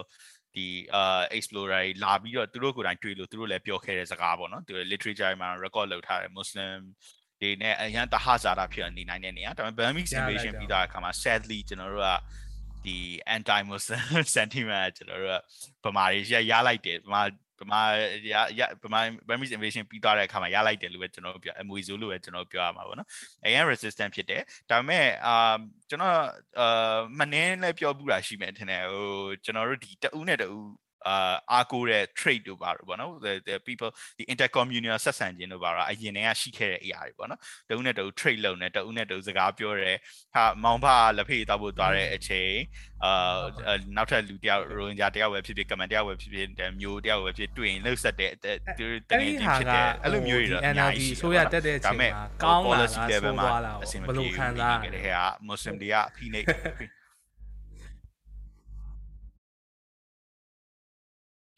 ဆိုဆိုသွားတာပေါ့နော်ဆိုတော့ဆိုတော့ဆိုတော့ဆိုဒီလိုမျိုးကျွန်တော်ကျွန်တော်ရဲ့ကျွန်တော်ထင်တာတော့ဒီလိုမျိုး xenophobic ဒီလူမျိုးရေးခွဲခြားပြီးလူမျိုးလူမျိုးနဲ့ပတ်သက်ပြီးမုန်းတဲ့အရာတွေကိုကျွန်တော်ကဘယ်လိုမှအာ fan the flame ပေါ့နော်ဒီလိုမျိုးသွားပြီးကန့်ပိုးလို့မရဘူးဘယ်လိုအနေနဲ့မှ narrative အနေနဲ့ရောစကားပြောတာတော့အရန်ကြည့်ပြောရတယ်ကိုကခေါင်းဆောင်နေရရောက်နေတဲ့အတွက်အောက်က response တွေအများကြီးရှိတယ်အောက်ကလူတွေကကြတော့သူတို့မှာ policy level မှာသူတို့ responsible မဖြစ်ဘူး သူတို့ကလူမျိုးရေးခွဲခြားလာရင်ဒါသူတို့က personal level မှာတက်နေတဲ့ပြဿနာဒါပေမဲ့ကိုက policy level မှာအားပေးလိုက်တဲ့အခါကျတော့အောက်ကလူတွေကအဲ့လို communal level မှာဖြစ်နေတယ် society မှာဖြစ်နေတဲ့ပြဿနာတွေကပို့ပြီးတော့အာဘယ်လိုပြောမလဲအားကောင်းသွားတယ်ပေါ့နော်ကိုကဟိုလူမျိုးကြီးကလူမျိုးငယ်ကိုဖိနေရအရန်လွယ်သွားတဲ့ပုံစံဖြစ်သွားတယ်ပေါ့နော်အဲ့လိုမျိုးမဖြစ်အောင်ကြတော့ကျွန်တော်တို့ခေါင်းဆောင်တွေမှာအရန်တာဝန်ရှိကျွန်တော်တို့ခေါင်းဆောင်ဆိုတာ ဒီဒီ NLD တို့ဘာလို့အဲ့တုန်းက lead လုပ်ခဲ့တဲ့အချိန်မှာအရန်တာဝန်ရှိရပေါ့နော်သူတို့မှာ morally လည်းတာဝန်ရှိတယ်ဥပဒေရလည်းသူတို့တာဝန်ရှိရပေါ့နော်ဒါကတော့ဥပဒေရပြောစရာမလို ICJ ထိတော့ရောက်သွားတယ်ဆိုတော့အာဟိုဟာ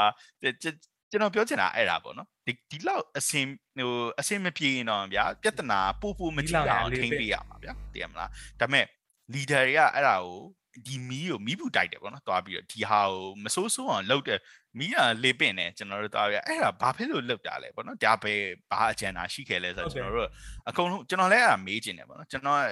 မတရားသဖြင့်ဆွဆွဲတာမဟုတ်ဘူးဒါကဘာအကျိုးပြုစေလဲပေါ့နော် it doesn't help the main mainland လူတွေလည်းအကျိုးမပြုဘယ်သူမှအကျိုးမပြုအခုအကုန်လုံးဖျို့ဖျဲဖြစ်သွားတယ် right ICJ ရောက်ကုန်တယ်နိုင်ငံဆိုရင်ပပဆက်ဆက်ကိုတိတ်ခါဆယ်လို့မရလောက်အောင်ပြဿနာဖြစ်သွားတယ်ပေါ့နော် ICJ မှာကျွန်တော်ကျွန်တော်တို့ဒီနိုင်ငံခြားမှာဆိုရင်အဲကျွန်တော်တော့ narrative အနေကတော့ကြိုက်တယ်ပေါ့နော်ဒီလူမျိုးကအရင် persecute လုပ်ခံနေရ Rohingya ဆိုရင်ကျွန်တော်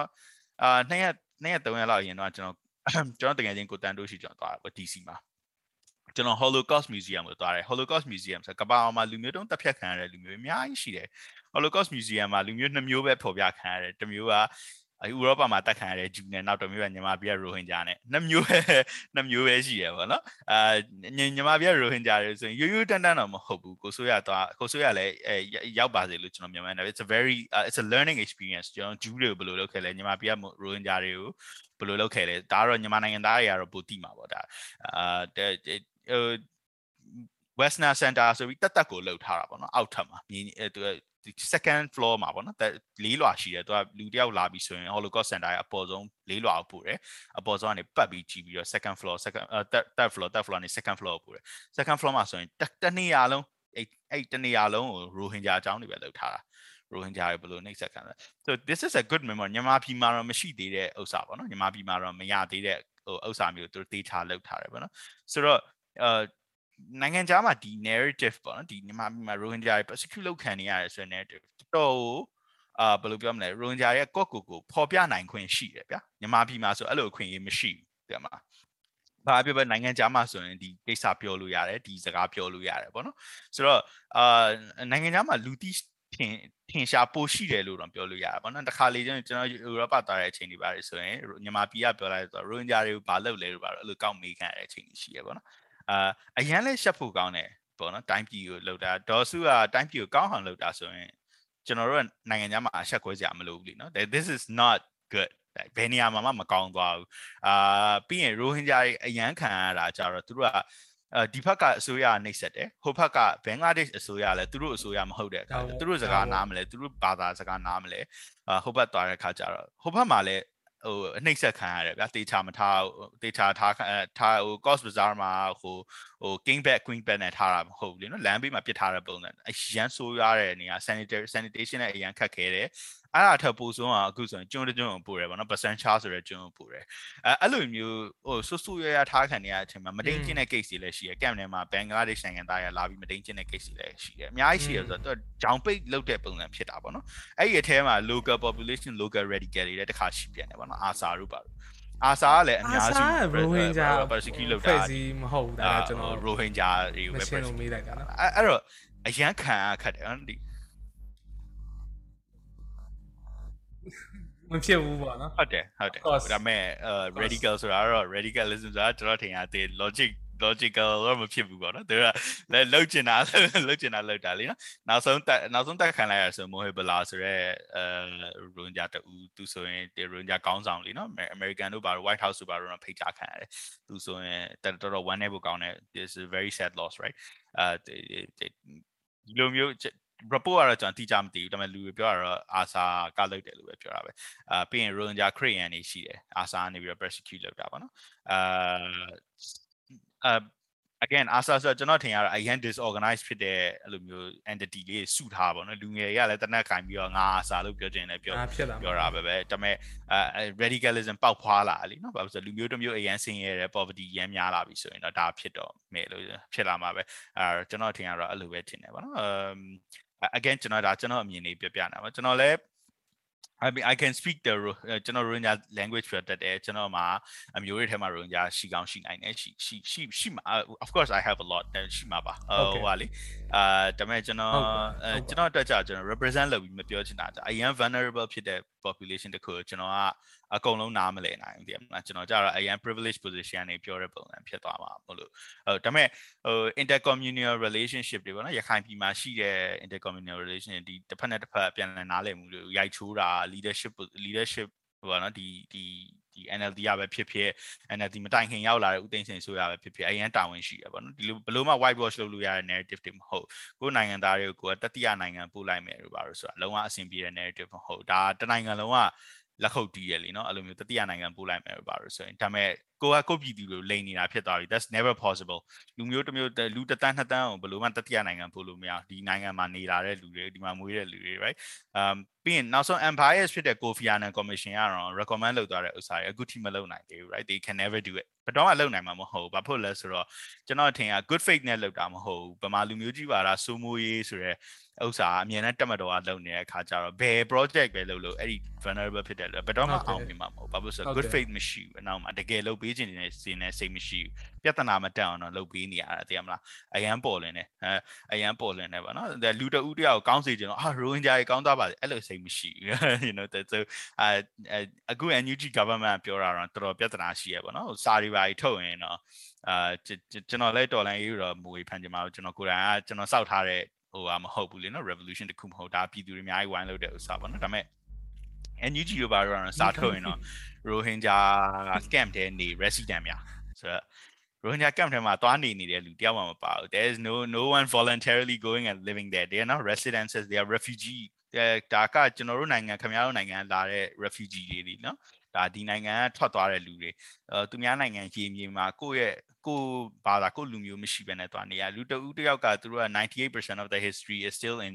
uh in Myanmar inside of the border uh 90ရာခိုင်နှုန်းသော history 98ရာခိုင်နှုန်းသောလူမျိုးအကုန်လုံးကဒီနိုင်ငံထဲမှာပဲနေနေ share history ကလည်းဒီနိုင်ငံထဲမှာပဲရှိရဆိုရင်အဲ့ဒီ send ဟိုဘယ်လိုပြောရလဲဟိုဒီကျွန်တော်ထင်တာတော့လေဟိုဒါကတော့ဟိုဒီမြန်မာလူ Burmanization လုပ်တယ်ဆိုတဲ့ဟာကကြတော့လေ အာဘယ်လိုပြောရမလဲဒီ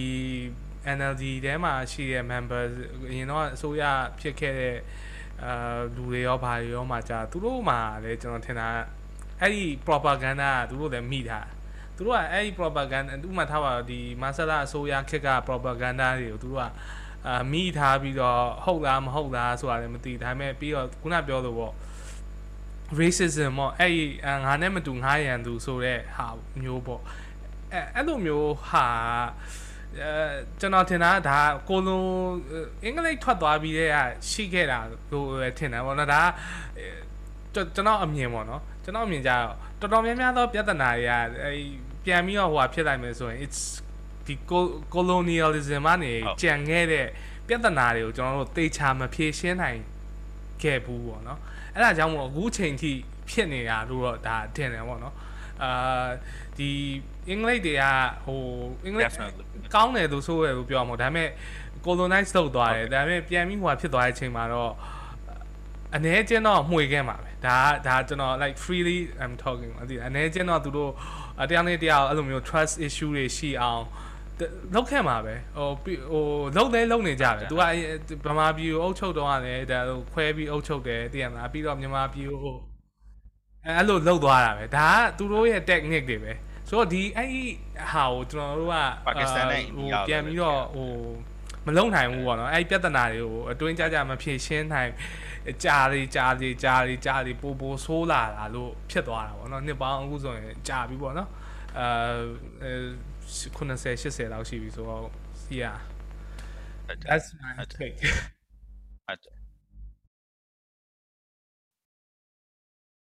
တော်တော်ဟုတ်တယ်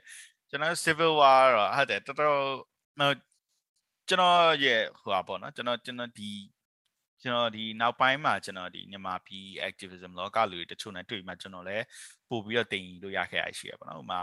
အာကိုတိုးရပါဆိုရင်ဒီ colonial decolonize Burma ဆိုပြီး study တွေပါတယ်သူလုပ်တယ်ပေါ့နော်။အဲ့မှာကျွန်တော်တွေ့ရပြဿနာအများစုကကြာကျွန်တော်တို့လည်းကျွန်တော်တို့လည်းမသိခဲ့ရပါတယ်ပေါ့နော်။ဥမာပင်လုံထီကိုပြဿနာရှိရပေါ့နော်။ပြဿနာဘယ်လိုလဲဆိုတော့ dishonest ဖြစ်ပြီးတော့ညှိခဲ့တာတွေပါတယ်။အဲ့လိုမျိုးပြဿနာရှိ။အင်္ဂလိပ်တွေကလည်းအဲ့ဒါတိတိရေးနဲ့ဒါဒါတီတို့ကဒီ colonial power ကိုနိုင်ငံလည်းမဟုတ်ဘူးလေနော် they're not our people ကျွန်တော်နိုင်ငံမဟုတ်ဘူးကျွန်တော်တို့ ਨੇ ဘာမှ share မဖြစ်ဘူးရေမြေလည်းထိစပ်နေတဲ့လူတွေလည်းမဟုတ်ဘူး history လည်းမရှိဘူး Southeast Asian လည်းမဟုတ်ဘူးအာဆိုတော့ဟိုဟုတ်တယ်မင်းတို့မင်းတို့လုံးဝညှိလို့ရငါတို့ပေးတိုင်းပဲဘာမှလည်းပဲသူကလည်းအဖတ်တော့လုံးမှာမဟုတ်ဘူးသူကညှိတဲ့ဥစ္စာဒါထဲမှာတော့မှွေတော့မှွေကမ်းမှာပဲဘာဖြစ်ဆိုအဲရှိမှာပဲအဲ့ခက်တဲ့ကလည်းတည်အောင်လို့ intelligence community တွေမြန်မာပြည်မှာဟိုဒီ colonize မဖြစ်ခင်တည်းကပြင်သစ်တွေရော Portuguese တွေရော like တည်ရမှာ Britain တွေရောအကုန်လုံးခြေရှုံနေတာ Yeah, so uh, yeah, be and we are country rich of like natural resources or like ရှိရှိနေရှိနေဆိုတော့ဟုတ်တယ်ဟုတ်တယ်ကျွန်တော်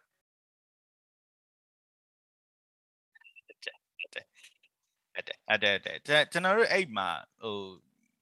ကျွန်တော်ခုနပြောရတဲ့ဥစ္စာစကားပြတ်သွားပါနော်ပင်လုံထိပြဿနာရှိရဲဆိုတာအဲ့ဒါပေါ့နော်ဟိုဟိုတွားညှိတဲ့အခါတို့ဘာတို့မှာဆိုရင်ဥမာကိုဆိုရန်တာဘူစာချုပ်ကိုကိုသိမှာပေါ့နော်အင်္ဂလိပ်နဲ့စစ်ပွဲဖြစ်တဲ့အချိန်မှာထုတ်တဲ့စာချုပ်ရန်တာဘူစာချုပ်ဆိုဗမာဘရင်တွေကဘာလုပ်လဲဆိုတော့ Tripura Manipura အကုန်လုံးအဲ့မှာရှိတဲ့ local chief leader တွေနေတော့မညီဘဲနဲ့ပေးပြတာအကုန်လုံးအင်္ဂလိပ်ကိုမင်းယူလိုက် ရအာကန်မင်းတို့ယူလိုက်ရဘာမှမဖြစ်ဘူးရခိုင်မင်းတို့ယူလိုက်အင်္ဂလိပ်ကိုပေးပြတာပေါ့နော်အဲ့လိုမျိုးအရင်တည်းကပေးကျဲစွန့်ခဲ့တခြားလူမျိုးတွေကိုမတိုင်ပင်မဲနဲ့ပေးကျဲစွန့်ခဲ့တဲ့အချင်းရှိတယ်ပင်လုံးမှာလည်းအဲ့လိုမျိုးတခြားလူမျိုးတွေနဲ့မတိုင်ပင်မဲနဲ့ညှိလိုက်တဲ့ instance တွေရှိတယ်ပေါ့နော်ဆိုတော့ကျွန်တော်ပြောချင်တာ foundation မှာဟိုကပြဿနာရှိနေတာပေါ့နော်ဒီနိုင်ငံစဖြစ်တည်ခြင်းမှာဟိုအတေးဒီ modern the state of modern Burma ပေါ့နော် modern မြန်မာပြည်စဖြစ်နေတဲ့အချိန်မှာဟိုကဒီဟာပြဿနာဖြစ်ဖြစ်တဲ့ ဟို situation တွေအများကြီးရှိခဲ့တယ်ပေါ့နော်ဟိုမှာဟိုကိုက good faith နဲ့တွားပြီးကချင်တွေကိုညှိရမှာဟိုကချင်တွေကခွဲထွက်သွားရင်တိုင်းပြည်သေးသွားမှာပေါ့လို့အဲ့လိုမျိုးတွားညှိရဲ့ဥစ္စာမျိုးပါညာ instance တွေရှိတယ်အဲလူမျိုးကြီးဝါထားလို့စကလုံးမတက်ဘူးဆိုရင်တော့အဲ့ဒီထဲကဒီ ပေါ့နော် status ကိုဗမာ majority က status ကိုသူတို့ညှိမယ်သူတို့လုပ်မယ်ဆိုရယ်ဒါပေါ့အစရမီးစီတော့သူတို့ကလည်းနီးလောင်ကလေးပေးရလုံမှာပဲသူတို့နဲ့မှမဆိုင်တာနော်ပြီးတော့သူတို့အတွက်ကဟိုတယောက်နဲ့တယောက်ချနေသူတို့အတွက်တောင်ပိုအဆင်ပြေသေးတာဆိုတော့ဒါကတော့သူတို့ကတော့ပိုကြိုက်တာပေါ့ဒါကတော့သူတို့အပြစ်ပြောရတာမဟုတ်ပေါ့ is colonialism ကတော့အပြစ်ပေါ့နော်အဓိကကတော့အဲဒါကတော့အပြစ်ပေါ့ဟုတ်တယ်ဟုတ်တယ်ဟုတ်တယ်ဟုတ်တယ်ဟုတ်တယ်ဟုတ်တယ် ဟုတ်တယ်ဟုတ်တယ်ဟုတ်တယ်ဒါပေမဲ့ကျွန်တော်နိုင်ငံမှာကြာတော့အဲ့ဒါနောက်ပိုင်းကြာတော့အများစုက exploit လုပ်ခံရကြတော့တိုင်းသားတွေက exploit လုပ်ခံရတယ်ကျွန်တော်ထင်တာကပြီးတော့ဘယ်လိုပြောရမလဲဟိုကန်ဆိုးတွေပြောရမှာဒီဟိုပါပေါ့ဗမာလူမျိုးကြီးဆိုတဲ့ status ကရှိရှိသွားပါတော့ဘိုးကျောင်းအောင်ဆန်းကသွားပြီးတော့ဒီစစ်ပညာသင်ဖို့စ조사တဲ့အချိန်မှာဂျပန်နေနဲ့သွားတွေ့တာကဆိုးွားတယ်ပိုဆိုးွားစေတယ်ဒါကျွန်တော်ထင်တာပေါ့နော်ဒါဘာဖြစ်လို့လဲဆိုတော့အဲ့မှာဟိုပွင့်နေပြောရင်ဟိုမြန်မာစစ်တပ်မှာ ဟိုဟာဒီ passive တည်းပါတယ်ဆိုတော့ it's true cuz you learn from Japanese Japanese yeah အဲ့တည်းအဲ့ချိန်တုန်းကဒါ fascism ကကပိုင်းမှာ Germany ပဲကြည့်မလား whatever တည်ရမလားအဲ့လိုမျိုးအရန်ဟွာဖြစ်နေတဲ့အချိန်မှာကိုရီးယားကဂျပန်နဲ့သွားပေါင်းမိတာပေါင်းတာဟိုဒါဟိုအခု hindsight နဲ့ပြောရင်တော့မှားတယ်ဗောဒါပေမဲ့အဲ့အချိန်တုန်းကကြာတယ် you got no choice ဆိုတော့ maybe လိုအပ်နေတဲ့အချိန် uh, I'm not blaming like ဘိုးကျောင်းအောင်ဆန်းကိုပြစ်တင်နေရတယ်မဟုတ်ဘူးဒါပေမဲ့သိရမှာ तू that is the when you look at the course of history မှာကြာတော့ okay that's probably what happened there ကွာအဲ့ဒါကိုလက်ခံနိုင်ရမှာသိရဟုတ်တယ်ဟုတ်တယ်အာအဲ့လိုဟို passive တည်းတဲတဲဆိုတော့ကိုပြောတာတော်တော်မှန်ပါတယ်ဒါတက်မှာအစားတည်းအဲ့လိုရှိခဲ့ပါဘိုးချုပ်မှာအဲ့လို intention မရှိရင်တော့တက်မှာအဲ့လိုမျိုးဒါပေါ့သူတို့ training ရလိုက်တာဟိုချိ Spain တွေကရလိုက်တာဒါအရင်တည်းကသူတို့ကဂျပန်တွေဆိုတာလည်းအဲ့အချိန်တော့ Pan Asianism ဆိုပြီးအာရှတစ်ခုလုံးလွှမ်းမိုးဖို့လုပ်တာလေနော်လွှမ်းမိုးဖို့လုပ်တာဆိုအဲ့ ideology ကမြန်မာပြည်မှာလည်း manifest ဖြစ်နိုင်တာပြောလို့တော့မရဘူးနော်အဲ့ဒါတွေကျွန်တော်တို့က100%ကျွန်တော်လည်းအကုန်မပြောနိုင်ဘူးကိုသူရလည်းအကုန်မသိကျွန်တော်အားကြောင့်မလို့ကျွန်တော်တို့ study ပါလုပ်ရင်ပေါ့နော်ဒီ anthropology ပဲဖြစ်ဖြစ်ဒီကျွန်တော် political study ပဲဖြစ်ဖြစ်လုပ်ရင်ကျွန်တော်တို့ decolonial ဖြစ်ရမယ်ပေါ့နော် colonize ဖြစ်ထားတဲ့ study မျိုးကျွန်တော်တို့လုပ်လို့မရဘူးပေါ့နော် colony စနစ်မပါတဲ့ဥစ္စာအဲ့ဒီ shoot down တွေကကြီးနိုင်တဲ့ study မျိုးတွေကျွန်တော်တို့ကလုပ်ရမယ်ပေါ့နော်အာပြီးတော့အများတန်းဟို study တစ်ခုလုံးကိုယ့်ရဲ့ scope ထဲမှာကျွန်တော်ကျွန်တော်ကျွန်တော်ထင်တာပေါ့နော်ကိုယ့်ရဲ့ scope ထဲမှာပါပါတင်လဲဆိုတော့ဒီအာ minority right တို့ဒီအဲဒီညီမကြီးများဖြစ်နေတဲ့ဒီလိုမျိုးပေါ့နော်အာ issue တွေအကုန်လုံး intersectionally ပေါ့နော်အတွင်းချက်ကြကြကျွန်တော်တို့က ဒါဖြိုခွဲပြီးကျွန်တော်တို့မြင်နိုင်ရမယ်ပေါ့နော်အဲ့ဒါမှလည်းအရင်တော့ဖြစ်ခဲ့တဲ့ trauma တွေပါကြောင့်လို့လေဟုတ်တယ်အရန်လိုတယ်ပေါ့နော်အားကြောင့်မှအားဟာမှာ self critical ဆိုကိုကို self shaming လုပ်ခိုင်းတာမဟုတ်ဘူးငါဗမာလူမျိုးအရန်နှိမ့်ကြတယ်ငါလုပ်ခဲ့တယ် guilt လုပ်ခိုင်းတာမဟုတ်ဘူး not trying to guilt you have to accept the facts accept yeah ဟုတ်တယ်လက်ခံနိုင်ရမယ်ဗျာသိရမလားဥပမာကျွန်တော်အမေရိကမှာဆိုရင် native american တွေ genocide လုပ်ခဲ့တယ်ဒါအစိုးရက ပြည်သူလူထုအရန် resistant ဖြစ်တယ်အစိုးရကလည်း resistant ဖြစ်တယ်ဒါပေမဲ့ဒါတွေကို drive အနေနဲ့တွန်းအားပေးနေတဲ့ force တွေရှိတယ်ပေါ့နော်အမြဲတမ်းဒါတွေကို call out လုပ်နေတဲ့ activist တွေရှိတယ်ပေါ့နော်ဒါရဲ့အကြောင်း activist တွေက annoying အရန်ဖြစ်တယ်ဆိုရင်တော့ they are annoyance for good right သူတို့ကောင်းဖို့အတွက် annoying ဖြစ်တယ်လို့ကျွန်တော်တို့နိုင်ငံမှာကြာ activist ဆိုရင်အခုနောက်ပိုင်းကျွန်တော်တွေ့လာ trend နည်းနည်းလေးချင်းချင်းသွားတယ်ပေါ့နော်စကားပြောရရင်တိတ်ပြီးတော့မပြောချင်တယ်လို့ဟောအဲ့ဒီဟာနောက်ပိုင်းရှိမယ်လို့ထင်တယ်ပေါ့နော်အဲ့လိုဟို annoy ဖြစ်တာတစ်ပိုင်းပြီးတော့တချို့ဟာတွေမှာကြာတော့ဟို relatable ပေါ့နော်တချို့ဒါ I'm not saying every, every activist ပြောရမှာတချို့ဟာတွေမှာကြာတော့အာ values တွေကိုဟို scenarios မတူအခြေအနေမတူ context မတူ အဲ့ဒီဟာကိုသိရမှာအာပုံတူ copy ကူးချလာတာကြတော့အဲ့မှာ local မှာသွားပြီး implement လုပ်မယ်ကြတော့ဘယ်လိုမှအဆင်မပြေရဖြစ်တာတော့သိရမှာဟအာ local leader တွေနဲ့တွေ့တဲ့အချိန်မှာစကားပြောလို့မရတော့တာဒါတွေကကျွန်တော်ထင်တယ်ဒီ context ရပြီးတော့ခုနပြောလို့ပေါ့အဲ activist ဆိုတာလည်းခုနပြောလို့ကျွန်တော်ပြောတာနိုင်ငံခြားမှာအကြောင်းတွေသွားအသက် master ဟိုဖြစ်လာပြီးတော့အာဗမာပြည်ကိုပြန်လာတဲ့အချိန်မှာကျတော့ဒီခုနယူလာတဲ့ education နဲ့သူတို့သင်ထားတဲ့ theory တွေရှိမယ်ဗျာသိတယ်မမျိုးစုံပေါ့အဲ့ဒီဟာတွေနဲ့ဒီမှာပြီးတော့ဟိုဘက်ကသွားတဲ့ trend အနေနဲ့ဒီကဟာတွေနဲ့ဟိုဘယ်လုံးဝမတူနိုင်ဘူးမတူတာဟုတ်တယ် context လည်းနားလည်ဖို့လိုတယ်ကိုပြောရမှန်တယ်ပေါ့နော်ဟိုကျွန်တော်တို့အခု online မှာဖြစ်နေတဲ့ကိစ္စတဲ့ကိုဆိုရနေသိမလားမသိဘူးကို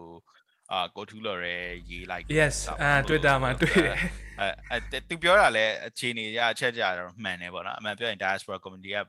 ဘလို့မှဒီမှာ live လုပ်ထားတာမဟုတ်ဘူးကျွန်တော်တို့လည်းမရှိဘူးဗျာဒီဟာကြီးဖြစ်နေတဲ့အချိန်မှာဘလို့မှနားမလည်နိုင်ဘူးတချို့အစားတွေဆိုရင်ဘလို့မှ live experience မရှိဒီအရင်တော့ရှိခဲ့ရင်ရှိခဲ့မယ်အခုကျွန်တော်တို့မှမရှိအခုကိုဆိုရမှာရှိရကိုဆိုရ military dictatorship အောက်မှာနေနေရတာ သူကျွန်တော်မှမရှိနိုင်ဘူးအဲ့ contest ကကျွန်တော်နားမလည်နိုင်အဲ့အဲ့နေရာလေးကိုပဲဖြစ်ဖြစ် at least for that part ကျွန်တော်နားမလည်ဘူးပေါ့နော်အဲအဲ့ဒီအတွက်ကျွန်တော်တို့ diaspora ဖြစ်နေတယ်လို့ပဲပြောမှာခဏအပြင်ရောက်နေတယ်ပဲပြောပြောအမြဲတမ်းအတွက် display ဖြစ်နေတယ်ပဲပြောပြောအဲ့လိုလူရအပြင်ရောက်တဲ့အခါမှာလည်းစကားပြောအဲ့ကြောင့်ကျွန်တော် represent လုပ်တယ်ဆိုကျွန်တော်ကိုယ့်အမြင်လိုပဲကိုပြောရအောင်နော်စကားပြောတဲ့အခါမှာ represent လုပ်တဲ့အချိန်မှာကျွန်တော်တို့နားမလည်ပဲနဲ့ represent လုပ်တာအရင် dangerous ဖြစ်တယ်ပေါ့နော်လူတွေဘယ်လိုခံစားနေရလဲကျွန်တော်တို့မသိရိုဟင်ဂျာအကြောင်းပြောရင်ဆိုရိုဟင်ဂျာတကယ်ဘယ်လိုစိတ်ထဲမှာဖြစ်နေကျွန်တော်တို့မသိဘူးဗမာ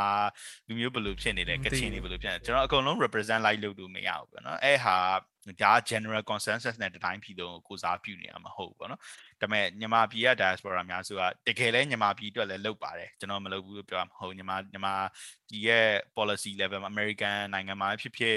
Washington မှာဖြစ်ဖြစ် London မှာဖြစ်ဖြစ်ဗမာဖြစ်ဖြစ်အရှိကိုရောက်အောင် diaspora community ကအများကြီးကူညီခဲ့တယ်ပေါ့နော်ဒါပေမဲ့နောက်ပိုင်းကျတော့ဟိုဒီ narrative တွေက dangerous borderline dangerous ဖြစ်တဲ့ဥစ္စာမျိုးလေးဖြစ်လာမှာမလို့ ဟိုကိုထူးလော်ရဲဘာတွေရေးတယ်ပေါ့နော် post ရေးတယ်ကျွန်တော်ကတော့အဲ့ဟာလေးကိုသဘောကျပါတယ်အဲ make sense it makes sense for me ကျွန်တော်အတွက် the make sense ဖြစ်တယ်ပေါ့နော်တဲ့ကျွန်တော်တို့လည်းကိုယ့်ကိုယ်ကိုတတိထားရမယ်ပေါ့နော်စကားပြောတဲ့အခါ representation ဆိုတာအကုန်လုံးကောင်းတာမဟုတ်ဘူးချို့နေရာမှာ dangerous ဖြစ်တယ်နားမလည်ပဲနဲ့ represent လုပ်တာတော့ပါလို့ဆိုရင်ပေါ့နော်အဲကိုကိုဆွေးရပြောမှတ်ပါတယ်ဟုတ်ကျွန်တော် agree လုပ်တာပါဟုတ်ကဲ့ဟုတ်တယ် ဟုတ်တယ်ဟုတ်တယ်ဟိုအဲ့ဒီဟာပေါ့ခုနပြောတော့ activist ဆိုဒီနိုင်ငံခြားမှာ diaspora ဟိုဒီသူတို့တွေ push လုပ်တာဟုတ်တယ်ဒါပေမဲ့ခုနပြောလို့ပေါ့ context တွေကမတူတချို့ကြတော့လေဟိုခုနပြောလို့ academic အရန်ဆန်သွားပြီးတော့ဟိုဟိုတည်ရမှာ local မှာအလုံးမဖြစ်အဲ့လိုတကယ်ဟို ground မှာအလုံးမဖြစ်တာအဲ့ဒါတွေကြတော့တကယ်တမ်းတော့ဟိုအဲ့လိုပေါ့လောက်တခုခုဆိုရင်ကျွန်တော်ပြောချင်တာ ကိုဟိုလောက်ချင်တဲ့ community မှာကိုဟိုအဲ community မှာအနည်းဆုံးတော့2လ3လလောက်သွားပြီးတော့ဟိုနေကြည့်စကားပြောကြည့်လူတိုင်းနဲ့တည်ရမယ်မျိုးသွားနေပြီးတော့မှဟိုကိုကပိုသိနိုင်မှာပေါ့နော်ကျွန်တော်ကျွန်တော်ဆိုလဲအဲကြောင့်မို့အခုဆိုကျွန်တော်ဆိုပြောပွင့်နေပဲ I don't အဲ့လိုမျိုးမရောက်ဘူးရခိုင်ဆိုလဲကျွန်တော်ခုနပြောသူအဲအဲအကြောင်းကျွန်တော် comment လည်းဘာမှပေးစရာမရှိဘူးဒါပေမဲ့ as a human I I have empathy right ဒီမှာခံ empathy အနေနဲ့ကျွန်တော်ခံစားပေးရ policy what can we do better for them that that's how basic အနေနဲ့အဲ့လိုပဲစဉ်းစားရရှိရပါတော့ဥပမာ anti racist ဖြစ်တာတော့ပါဆိုရင်ဒါ cultural context မလို့ကျွန်တော်တို့ကကျွန်တော်တို့ပြည်မာကြီးရမလို့ပါလို့ဟုတ်တယ်လူတယောက်က racist မဖြစ်ရနဲ့မရဘူးညီမကြီးမှာကြတော့ racism က majority force နဲ့ xenophobia အကြီးမားနေကျွန်တော်တို့က anti racist ဖြစ်ရမယ်ပေါ့နော်ဒါမျိုးတွေကြတော့ကျွန်တော်ကလူတိုင်းလောက်တိုင်းနေအရာပေါ့နော်ကိုဆိုရပြောတော့ကိုဆိုရပေါ့ empathy ပေးလို့ရတယ်ဒါပေမဲ့ သူတို့ပုံစံ cultural context ကြည့်ဖို့ကြာတော့တွားနေလိုက်ရင်တော့သူက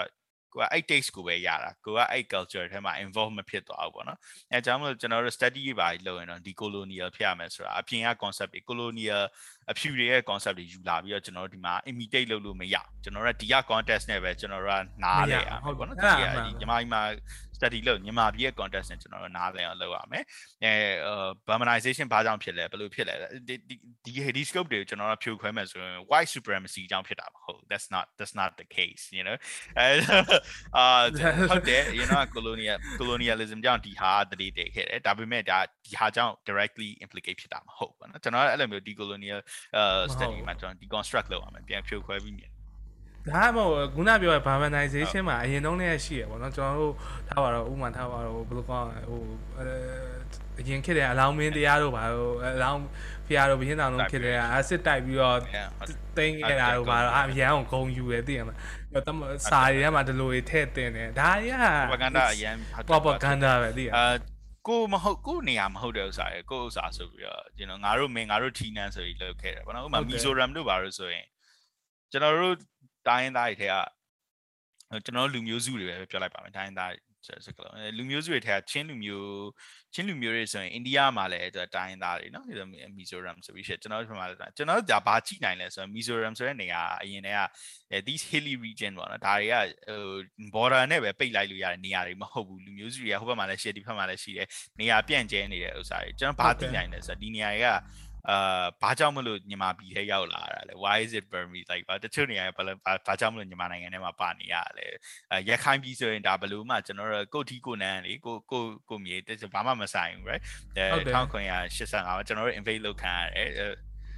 ဟုတ်တယ်ပြီးတော့တောင်းကြီးရခိုင်ရုံးမကြီးလည်းချားနေတာဗမာပြည်နဲ့ဝေးသွားတာတည်ရပါကိုခံလဲဘာကြောင့်မလို့ဒီနေရာကမြန်မာနိုင်ငံထဲရောက်နေရလဲ so there are a lot of question right အကြောင်းကျွန်တော်တို့ဒီအခု pursue လုပ်တဲ့အခါမှာလဲ policy နေရာမှာကျွန်တော်တို့ confederation ဆိုပြီးတော့ pursue လုပ်တယ်ပေါ့နော်တက်တက်ဒီတန်အုပ်ချုပ်မယ် trade level အနေနဲ့ပဲဆက်ဆံမယ်ဆိုတဲ့ဥစ္စာမျိုးအဲဒါကကြတော့ရိုးရိုးတန်တန်လောက်တာမဟုတ်ဘူးเนาะဒါကကြတော့ဒီ Burmanization အာ introduce မလုပ်ခင်အရင်ကကျွန်တော်တို့ဒီဒေါ်စုပြောသွားတာတော့အရန်ဆိုးပါတယ်ဟို ICJ မှာပြောသွားတာကျွန်တော်တို့က old glory ကိုမှန်းနေတာဆိုပြီးတော့ပြောသွားတယ်ရခိုင်လူမျိုးတွေကအရင်တော့ရှိခဲ့တဲ့ဘယင်စနစ်ကိုပြန်ပြီးတန်းတနေတာပေါ့နော် old memories of the glory of ရခိုင် kingdom အဲကျွန်တော်တို့က old glory လိုချင်တာမဟုတ်ဘူး memory ကိုသွားပြီးပြန်တန်းတာပြီးတချင်းဆိုတာမဟုတ်ဘူးပေါ့နော်ဒါကကျွန်တော်တို့ရဲ့ရပိုင်ဝင်ဖြစ်တဲ့ရခိုင်ပြည်သူပြည်သားတွေရိုဟင်ဂျာအပါဝင်ဖြစ်တဲ့ရခိုင်ပြည်သူပြည်သားရဲ့အကုနလုံးရပိုင်ဝင်ဖြစ်တဲ့ရခိုင် kingdom တခုကိုရခိုင် kingdom sorry အာရခိုင် kingdom တခုအရင်တော့ရှိခဲ့တယ်အဲဒါမဲ့အခုအချိန်မှာရခိုင် modern ရခိုင် state ပေါ့နော်ရခိုင်နိုင်ငံတခုကိုဥတည်တယ်ဆိုတာဟိုကျွန်တော်တို့မျှော်မှန်းပြီးတော့ဟိုပေါက်ကရ pipe beam တွေ lift လုပ်နေတာမဟုတ်ဘူးเนาะကျွန်တော်တို့ကအရင်တော့ဖြစ်နေတဲ့ status အဲ့ဟို permanentization လုပ်ထားတဲ့အချိန်မှာကျွန်တော်တို့မျိုးအရန်ဒုက္ခရောက်တယ်အကုန်လုံးလူမျိုးစုတွေကဒုက္ခရောက်တဲ့အတွက်ကျွန်တော်တို့ကအဲပြန်ပြီး reverse လုပ်တယ်လို့တော့ပြောလို့ရတယ်ပေါ့နော် reverse လုပ်တယ် modern state နေတခုနဲ့ ပေါ်လာအောင်ဒီလိုပဲပေါ့ဟိုအရန်ဆုံးလာတော့လေဒီလိုပဲဖြစ်တာပေါ့ဟောဒါကဟိုအဲဒီလိုပဲပေါ့ခုနမုံသုံးဆက်ကူကတ်တာပေါ့နော်ဒီလိုဖြစ်သွားတာပေါ့ကြာလာတော့အချိန်ကြီးကြာလာတော့ညာလာဟို resentment တွေများလာတာကိုဆိုရလည်းတိမှာပါရခိုင်လူမျိုးဆိုတာလူမျိုးစုတွေထဲမှာ resentment အနည်းဆုံးပဲဗမာ tourist ဗမာဒါမဲ့ရခိုင်လူမျိုးနဲ့တော့ပြဿနာအကြီးဒီလိုမျိုးဖြစ်သွားတယ်ဆိုတာ you know the Burmese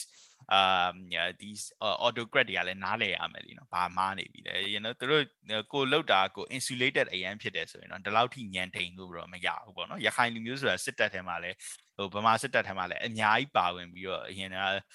အဲ့ဒါကိုဒီလိုအခုဆိုရင်တမျိုးလုံးနဲ့ကျွန်တော်တို့အဆင်မပြေတော့တာလीနော် like ဒီရခိုင်လူမျိုးစုတစ်ခုလုံးကဒီလုံးဝကွဲထွက်တာအခုတော်လိုင်းကိစ္စမှာရခိုင်ပြည်မှာဆိုဘာမှမဖြစ်ဘူးတိတ်ပြီးတော့ဘာဖြစ်လဲဆိုတော့တတိတတအရန်နေခြင်းသွားတဲ့စိတ်ပေါ့နော်အရန် singularity အဲ့ concept ကြီးကအရန်ကြီးထွားလာတာပေါ့နော်အဲ့ resentment ဘာဖြစ်လို့တလောက်များလဲဆိုတာနားလည်ဖို့အချိန်တန်ပြီပေါ့နော် you guys have to understand ဒါဘာဖြစ်လို့အဲ့လိုမျိုးဖြစ်နေလဲဆိုတော့ permanentization ဆိုတဲ့ concept ကြီးကကိုကဟိုတက်တက်မတော်လေလေအကုန်လုံးတည်တယ်လေဒါပြီးတော့ပြုံးနေပြီမဖြစ်ဘူးမဖြစ်ဘူးအော်နေလို့ဘာမှမရဘူးလေနော်ကိုလုံးခဲ့ရကိုတည်မယ် you know ဆိုတော့ဟိုကိုဆိုရလည်းတွေ့မှာပေါ့နော်တော်ဂျာလုပ်တဲ့ဗီဒီယိုတွေပါဆိုရင်ကြည့်လို့မကောင်းရှုလို့မကောင်းရိုဂျာတွေကိုစုပြီးတော့6တောင်းနဲ့ကန်တာတို့ရွာလဲမှာဒါကတော့ပြောစရာတော့မလိုပါဘူးဗီဒီယိုထွက်လာလို့ကျွန်တော်တို့ကန်တာလောက်ပဲမြင်ရလေနော်ဒါလူမျိုးစုတက်ဖြတ်တယ်ဆိုတော့ဒါ ဒါမျိုးအခုလည်းဒီလိုပဲဟိုကျွန်တော်တွေ့နေမြင်နေရတာပဲကျွန်တော်တို့ဘယ်လိုပြောချင်းပြည်မှာဆိုလဲဟိုနေ့ကထန်ပလန်မှာဖြစ်တဲ့ဟာမြင်ရဆိုလဲဟိုဇာအရန်စိတ်မကောင်းစရာအဖြစ်ပြက်တွေပေါ့နော်ဟိုဒီဒီလိုမျိုးဟိုအာစနစ်အောက်မှာဒီလိုမျိုး institution အောက်မှာနေနေရရင်တော့ဒီလိုဖြစ်မှာပဲပေါ့နော်အဲ့ဒါကိုကျွန်တော်တို့ကဟို majority ကလည်းသိဖို့လိုရပေါ့နော်ဟိုဟို အခုချိန်မှာတော်တော်များများယော့သွားပါပြီအခုဒီကျွန်တော်ရှစ်သားကိုးသားလည်းကြာလာပြီဆိုတော့အရင်တော့ဆဆချင်းတော့ကတော့အာဒီ NLD အမာခံနေပေါ့နော်ရှိရပေါ့ဒါပေမဲ့တဖြည်းနဲ့တော့သူတို့လည်းအမြင်တွေပြောင်းလာရင် NUG အစိုးရလည်းဟိုပြောရမယ်ဆိုရင်တော့သူတို့တဲမှာပါတဲ့လူတွေမှာလည်းအာဒေါက်တာဆာဆာတို့နောက်ကို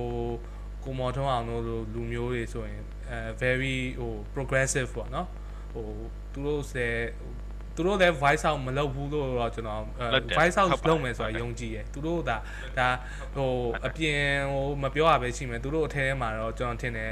သူတို့လည်းအချင်းချင်းတော့ပြောနေကြမှာကိုမော်ထောင်းတို့ပါလို့ဆိုရင်အရင်တည်းကပြောပါတယ်ပေါ့နော်ရိုဟင်ဂျာအကြောင်းတို့ပါတော့ I think they were consistent သူ consistent ဖြစ်တယ်ပေါ့နော်အာ data sasa ကတော့ဒါသူချင်းလူမျိုးတွေတော့ဒါ you know this is a exemplary person အာသူ policy နားမလဲနိုင်ငံရေးနားလဲလားမလဲလားဆိုကျွန်တော်လို့မဟုတ်ဘူးကျွန်တော်ထင်တာဒီလူတယောက်ကစိတ်ထားကောင်းတယ်တကယ်ကိုကောင်းတာလုပ်ချင်တယ်ဆိုရင်တော့ကျွန်တော်ထင်တာ he's still useful အရန်ကိုအသုံးဝင်တယ်ပေါ့နော် bad faith ဖြစ်ပြီးတော့လာလုပ်နေလူဒေါက်တာဝင်းမြတ်ရေးလိုလူမျိုးလုပ်နေရတဲ့ဆိုင်ဒေါက်တာဆာဆာရှိနေတာ that's like 10000 times better right ဒေါက်တာဒေါက်တာဝင်းမြတ်ရေးဒေါခင်မအောင်မျိုးပဲဖြစ်ဖြစ်ပေါ့နော်အဲဆိုဒေါ်စုပဲဖြစ်ဖြစ် this is unnecessary force ဒါမလိုအပ်တဲ့မလိုအပ်တဲ့ဟိုဟိုဒုက္ခတွေကျွန်တော်ထည့်ထားလို့ဟိုဟာဖြစ်တာပေါ့နော်ဒေါက်တာဝင်းမြတ်ရေးကြောင့်ကျွန်တော်ပြောလဲတော်တော်ခံရတယ်လीနော်အညီကျွန်တော်တို့တဲ့ကျွန်တော်နဲ့တခြားတငယ်ချင်းတွေနဲ့ club house မှာ room ကိုကိုကိုဆိုးရလည်းရှိမှာပဲလीနော်ကျွန်တော်အရင်ပြောတယ်ဒီကိစ္စကိုအာအရင်ပြောတဲ့တဲမှာပါတယ်ဗျာဒါပြောခံရလဲအကြီးကြီးကမထုတ်ပါဘူးဒီတိုင်းပဲရှိနေတာ you know this is အေးပေါ့နော်ဒါပေမဲ့ကျွန်တော်ပြောချင်တာသူတို့ဖွဲ့ထဲမှာလည်းအချင်းချင်းတော့ check and balance သဘောမျိုးတော့ရှိနေမယ်လို့ယုံ that's that's why NUG ဆိုတာဟုတ်မဟုတ်ရင်တော့ဒီ NUG ကနေပေါ်ထွန်းလာတယ်ဒီတော်လန်ရေးပေါ့အင်အားစုပေါ့နော် NUG က sorry တော်လန်ရေးတရက်ကနေပေါ်ထွန်းလာ NUG ပဲဖြစ်ဖြစ်အဲ့တော်လန်ရေးအင်အားစုကအရန် hopeful ဖြစ်ဖို့ကောင်းတယ် you know ကျွန်တော်ဆိုရင်တော်တော်လေး reconnected ဖြစ်တယ်ဗျာကိုယ့်ရဲ့မြေကိုယ့်ရဲ့ရင်းနဲ့ကျွန်တော်တော်တော်လေးအာပထမဆိုရင်ကျွန်တော်တို့ဟိုစတော်လိုင်းစနဲ့ကျွန်တော် resentment ဖြစ်တာလीနော် ငါတို့ဟိုဟို one လောက်ခဲ့တော့ဘယ်သူမှနားမထောင်ဘူး we want you you guys ဒါပေမဲ့လူငယ်တွေခံရတယ်ကြာကျွန်တော်တို့ relatable ဘာ sorry ကျွန်တော်တို့လူငယ်တွေခံရတယ်ကြာကျွန်တော် empathy ရမ်းများတယ်ကျွန်တော်တို့ဒီ dollar ရဲ့ relatable ပို့ဖြစ်တယ်။ညာဘာဖြစ်လို့လဲဆိုတော့အာဒီအင်အားစုကလူမျိုးဘာသာကိုအခြေခံတဲ့အင်အားစုမဟုတ်ဒါကဗမာလူမျိုးကြီးဘာသာကိုတွန်းလှန်တဲ့အင်အားစုအဲ ဗမာလူမျိုးအများစုပါဗမာလူမျိုးအများစုကလည်းထောက်ခံတဲ့ဟိုတော်လန်ရေးပေါ့နော်အဲအကုန်လုံးကလည်းတက်ညီလက်ညီနဲ့ညီကိုတွေအကုန်လုံးကလုပ်တယ်ဆိုတော့အမောင်နှမတွေအကုန်လုံးဟိုကလုပ်တယ်ဆိုတော့လေ it's a very it's a reconnecting experience ဆိုတော့တော်တော်လေးကျွန်တော်ကျွန်တော်စိတ်ထဲကကျွန်တော်ဝမ်းသာတယ်ပေါ့နော်ဒီလိုမျိုးအင်အားစုတရက်ပေါ်ပေါက်လာတာအာတော်တော်လေးဟိုဘယ်လိုပြောမလဲကိုတိုင်းပြည်မှာကိုဒီလိုမျိုးနိုင်ငံရေးအချင်းအဲ့လောက်ကြီးချက်ချင်းအရင်တက်သွားမယ်ကျွန်တော်ဘယ်လိုမှမမျှော်လင့်ခဲ့ဘူးပေါ့နော်အဲဒါပေမဲ့ အဲ့တော့ကျွန်တော် I have some ideas ပေါ့နော်ဘယ်လိုပြောအဲ့ဒီမှာမတိုင်ခင်တော့ကတော့ okay YU မှာလည်း policy side cost တွေရှိတယ်အာတချို့ online မှာလည်းတွေ့နေရတယ်ပေါ့နော်ဒီလိုဒါပေမဲ့အဲကျွန်တော်ကအဲ့ဒီချိန်တော့လည်းစိတ်ပူအရန်အာအရန် lefty တွေအရန်များလာမလားပေါ့နော်ဟိုဟိုဟိုဘယ်လိုပြောရမလဲဟိုဒီမှာနိုင်ငံခြား cost တွေကိုဥပမာထားပါတော့ America ပဲဖြစ်ဖြစ် EU ပါပဲဖြစ်ဖြစ်ဒီလိုမျိုး curriculum တွေကိုသူတို့ imitate လုပ်ပြီးတော့သင်ကြားသင်နေပါညာဆိုတော့ okay ငါတို့နိုင်ငံမှာအရင်နေ lefty ဒါများလာတော့မှလားပေါ့နော်ဒါကဟို I mean I'm on the left ကွာ but ဟိုသိရမှာအရင်ဟိုလိုမျိုးတစ်ဖက်ပိတ် lefty ကြီးကြားအဆင်မပြေဘူးလေနော်ဟိုပြောအဲ့လိုမျိုးဆိုတော့အာဟိုအဲ့လိုတော့ရှိခဲ့ဒါပေမဲ့ဟိုတကယ်တမ်းဟိုဖြစ်လာတော့အာ ပြောရမယ်ဆိုရင်အဲဒီ lefty ရေးရှိတာ revolution အတွက်ပိုကောင်းတယ်ပေါ့နော် revolution တစ်ခုဖြစ်လာပြီဆိုရင် it's uh because left always push for ဟိုပါပေါ့နော် change and, and progress ပေါ့နော်ဟို right ကကြတော့နေမြဲအတိုင်းပဲပေါ့နော် like uh, like if everything's good don't change anything သိရမလား right ကကြအဲ့လိုမျိုးဆိုတော့အာ yeah အာဘယ်လိုပြောရမလဲဟို ရေချင်ကတော့ထွေးတော့မြင်လာတယ်ဗောနော်ဒါကလည်းဟိုပြောရမယ်ဆိုရင် NLD ကောင်းတယ်သူ့ရဲ့ကောင်းချက်လေးပေါ့ဒီ education reform သူတို့လုပ်သွားနိုင်တာလေးကလည်းကောင်းတဲ့အချက်လေးဖြစ်လာတာဗောနော်အာ so politics ထားလိုက်တော့ကျွန်တော်နောက်တစ်ခု topic ပေါ့နော်အာကိုခုနကကိုမင်းစောပြောသွားဆိုကိုမင်းစောကဒီငယ်တော့ Catholic school ရဲ့တက်တယ် and you are also um a Muslim and I know you read a lot အာစာလည်းအများကြီးဖတ်တယ်ဆိုတော့အာ what's your အာဒီကျွန်တော် Islam အကြောင်းနည်းနည်းလေးဟိုမေးချင်တယ်ပေါ့နော်အာမြန်မာပြည်မှာဘာဖြစ်လို့ဒီ Islamophobia အများများတာလဲပေါ့ is it state မှာရောဘယ်လိုနေလဲဒီ Islamophobia အခုချိန်ကြီးရှိသေးလားအရှိလားပေါ့ရှိမယ်လို့ထင်တာပေါ့နော် again ကျွန်တော် representative အဲ့လို representation အနေနဲ့ကျွန်တော်မမားခြင်းကျွန်တော်နားလဲတလောက်ရှင်းပြဗမာပြည်က Muslim culture အဲကျွန်တော် opinion လေ yes your ကျွန်တော် personal experience ဗမာပြည်ကအဲ့ဒီအတိုင်းဝိုင်း Muslim အတိုင်းဝိုင်းမှာကျွန်တော်တော်တော်ကျင်နေခဲ့တယ် Catholic အတိုင်းဝိုင်းမှာလည်းကျွန်တော်အရင်ကျင်နေတယ်ပေါ့နော်အဲကျွန်တော်တို့ဒီအဲမြန်မာပြည်က Islamic community အရန် vibrant ဖြစ်တယ်ပေါ့နော်ဒါပေမဲ့ဒါမြန်မာလူမျိုးတချို့နားမလဲတဲ့ကိစ္စပေါ့နော်ဗမာလူမျိုးတချို့ဖြစ်ဖြစ်တိုင်းသားဖြစ်ဖြစ်တိတ်နားမလဲကြတဲ့ကိစ္စပေါ့တစ်ဖက် ကျွန်တော်ကျွန်တော်ဆိုရင် I don't have like uh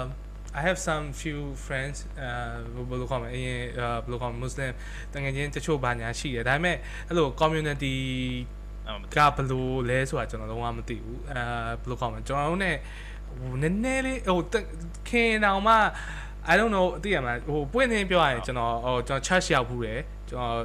ဟိန္ဒူဘုရားကျောင်းရောက်ဘူးတယ် but I've never been inside a mosque ပေါ့နော်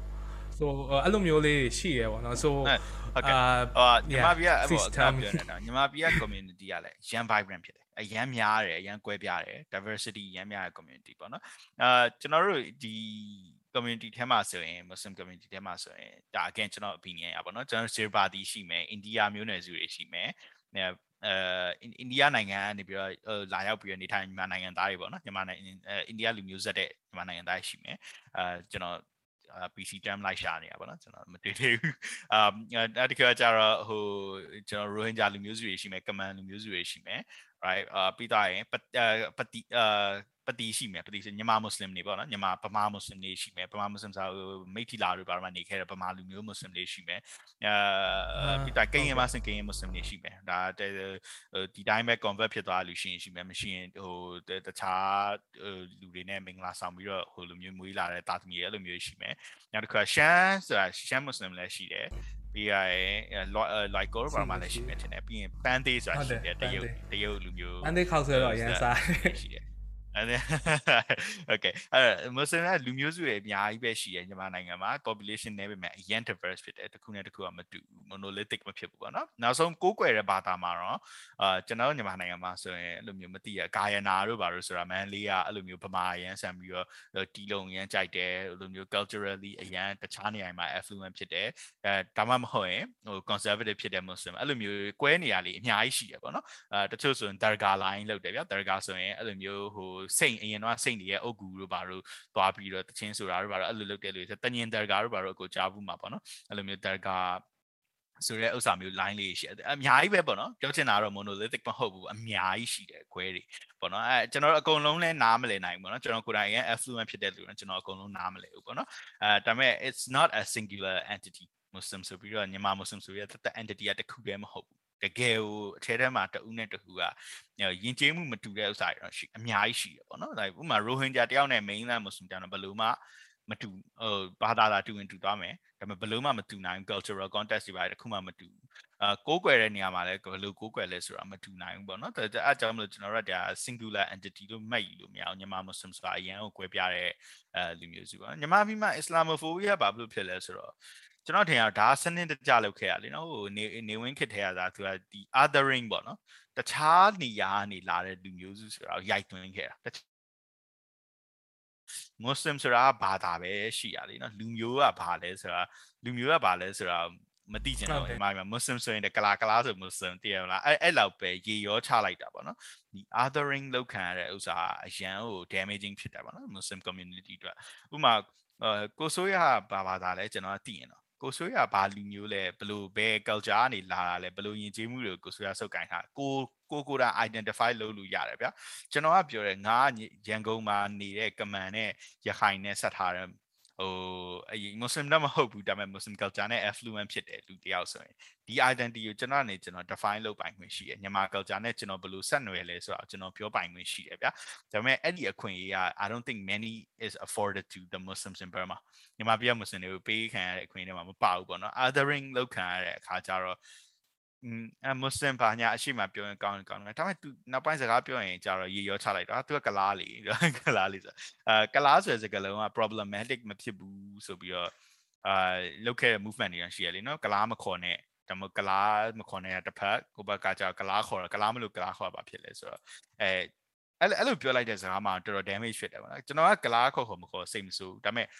ဟိုကျွန်တော်စိတ်မဆိုးတာပါနော်တခြားလူစိတ်ဆိုးတယ်ပြီးတော့ရင်သူတို့ရဲ့ identity Muslim ဖြစ်တဲ့ identity မြန်မာလူမျိုးဖြစ်တဲ့ identity မြန်မာနိုင်ငံမှာနေတဲ့ဥစ္စာရန်ကုန်သားဖြစ်တဲ့ဥစ္စာဟိုပြီးသွားရင်ရန်ကုန်မှာတော့ဟိုသူကတခြားဘယ် Muslim တွေရဲ့ဘယ် cultural context ကလာလဲဘယ် cultural sub sub context ကလာလဲကိုကနားမလဲပဲねသူတို့အကုန်လုံးကလားဆိုပြီးတော့ တတစ်လုံးထဲနဲ့ရိုက်ချလိုက်တာ you know အဲအရန်ကို dehumanizing စကလုံးပေါ့နော်အရန်လူလူလူလူမဆန်ဘူးပေါ့နော်ပြောရမယ်ဆိုရင်တော့အဲ့လိုမျိုးစကလုံးနေနဲ့တုံးတယ်အဲ့လိုမျိုး segregation ပေါ့နော်ဟိုမှာကို6ကို movement တော့ပါဆိုခွဲထုတ်ပလိုက်တာအဲ့လိုဟိုသူတို့ရှာမဝယ်တော့ဘူးပါဆိုတော့ဒါကဟိုလေကျွန်တော်တို့ Nazi Germany ကိုဘာလို့စတဲ့အချိန်မှာဟို boycott နဲ့စခဲ့တာအကုန်လုံးဟုတ်တယ်တိတိလေးပဲသူကစလုပ်တာတရက်အဲပထမ Hitler စလုပ်ကြည့်တယ် တစ်လုံး boycott လုပ်မယ်ဆိုတော့ permanent boycott ဆိုအဆင်မပြေဘူးမပြေတော့တရက် boycott နဲ့စခဲ့တာ you know ဆိုတော့ indicator တွေเนาะ genocide indicator တွေကျွန်တော်အရင်တည်းကရှိတယ်ပေါ့နော်အဲ့ဒါသတိလည်းပေးခဲ့တယ်ဒါပေမဲ့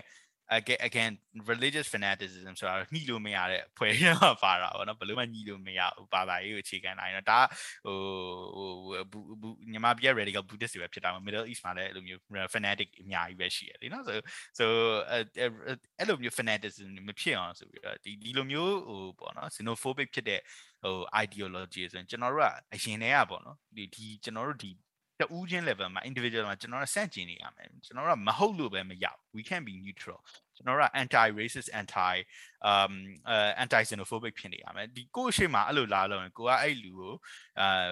contest အရာနားလည်အောင်ပဲဖြစ်ဖြစ်ညင်တတာပြောဆိုပြီးတော့အဲ့လူကိုစီးယုံနိုင်ရမယ်ပေါ့နော်ဘာဖြစ်လဲဆိုတော့အဲ့ဒီ idea ဒီတိုင်းထားငါအလုံးမဟုတ်ဘူးငါငါအလုံးမဟုတ်ဘူးငါနဲ့ဘာမှမဆိုင်လို့ထားလိုက်လို့မရအဲ့ idea ရအရန် spread ဖြစ်လွယ်တယ် populism ကအရန်ကူးဆက်တယ်လीနော် right မှာရှိတဲ့ဥစ္စာထဲ right မှာ left မှာရှိပါတယ် populism ဆိုတာဒါပေမဲ့အဲ့ဒီ idea အရန်ကူးဆက်လွယ်တယ်အရန်ဟိုကြောက်ဖို့ကောင်းတယ်ပေါ့နော်ဒီ idea ကြီးကတစုတဝေးတည်းဖြစ်သွားပြီးတော့အာ manifest အကြီးဖြစ်တာလीနော် state level မှာအဲအဲအဲအကြောင်းမလို့ညီမပြည်မှာတော့ဟိုကျွန်တော် တူတူနဲ့လူပဲပြောမှဆိုရင်ညီမကြီးမှာ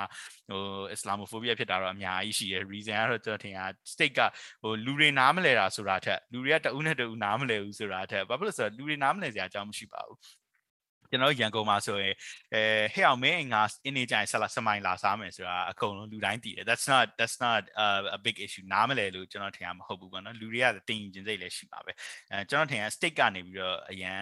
အာ state level လောက်တော့ဘယ်လိုမှအောက်ကပြည်သူတွေကဘယ်လို state ကနေနားမလဲတာကိုနိုင်ငံမှာရှိတဲ့ Muslim တွေကိုနားမလဲတဲ့အခါကျတော့အောက်မှာရှိတဲ့ကျွန်တော်ထင်တာဟိုဟာပေါ့သိရမှာဒီလူတွေချောင်း တူတူပဲပေါ့နော်ဟိုအမေရိကမှာဆိုလည်းဒီလို immigrant တွေကြောင့်ငါတို့တွေအဲတင်အလုပ်တွေမရဒီမှာလည်းအဲ့လိုမျိုးကျွန်တော်ထင်တယ်ကျွန်တော်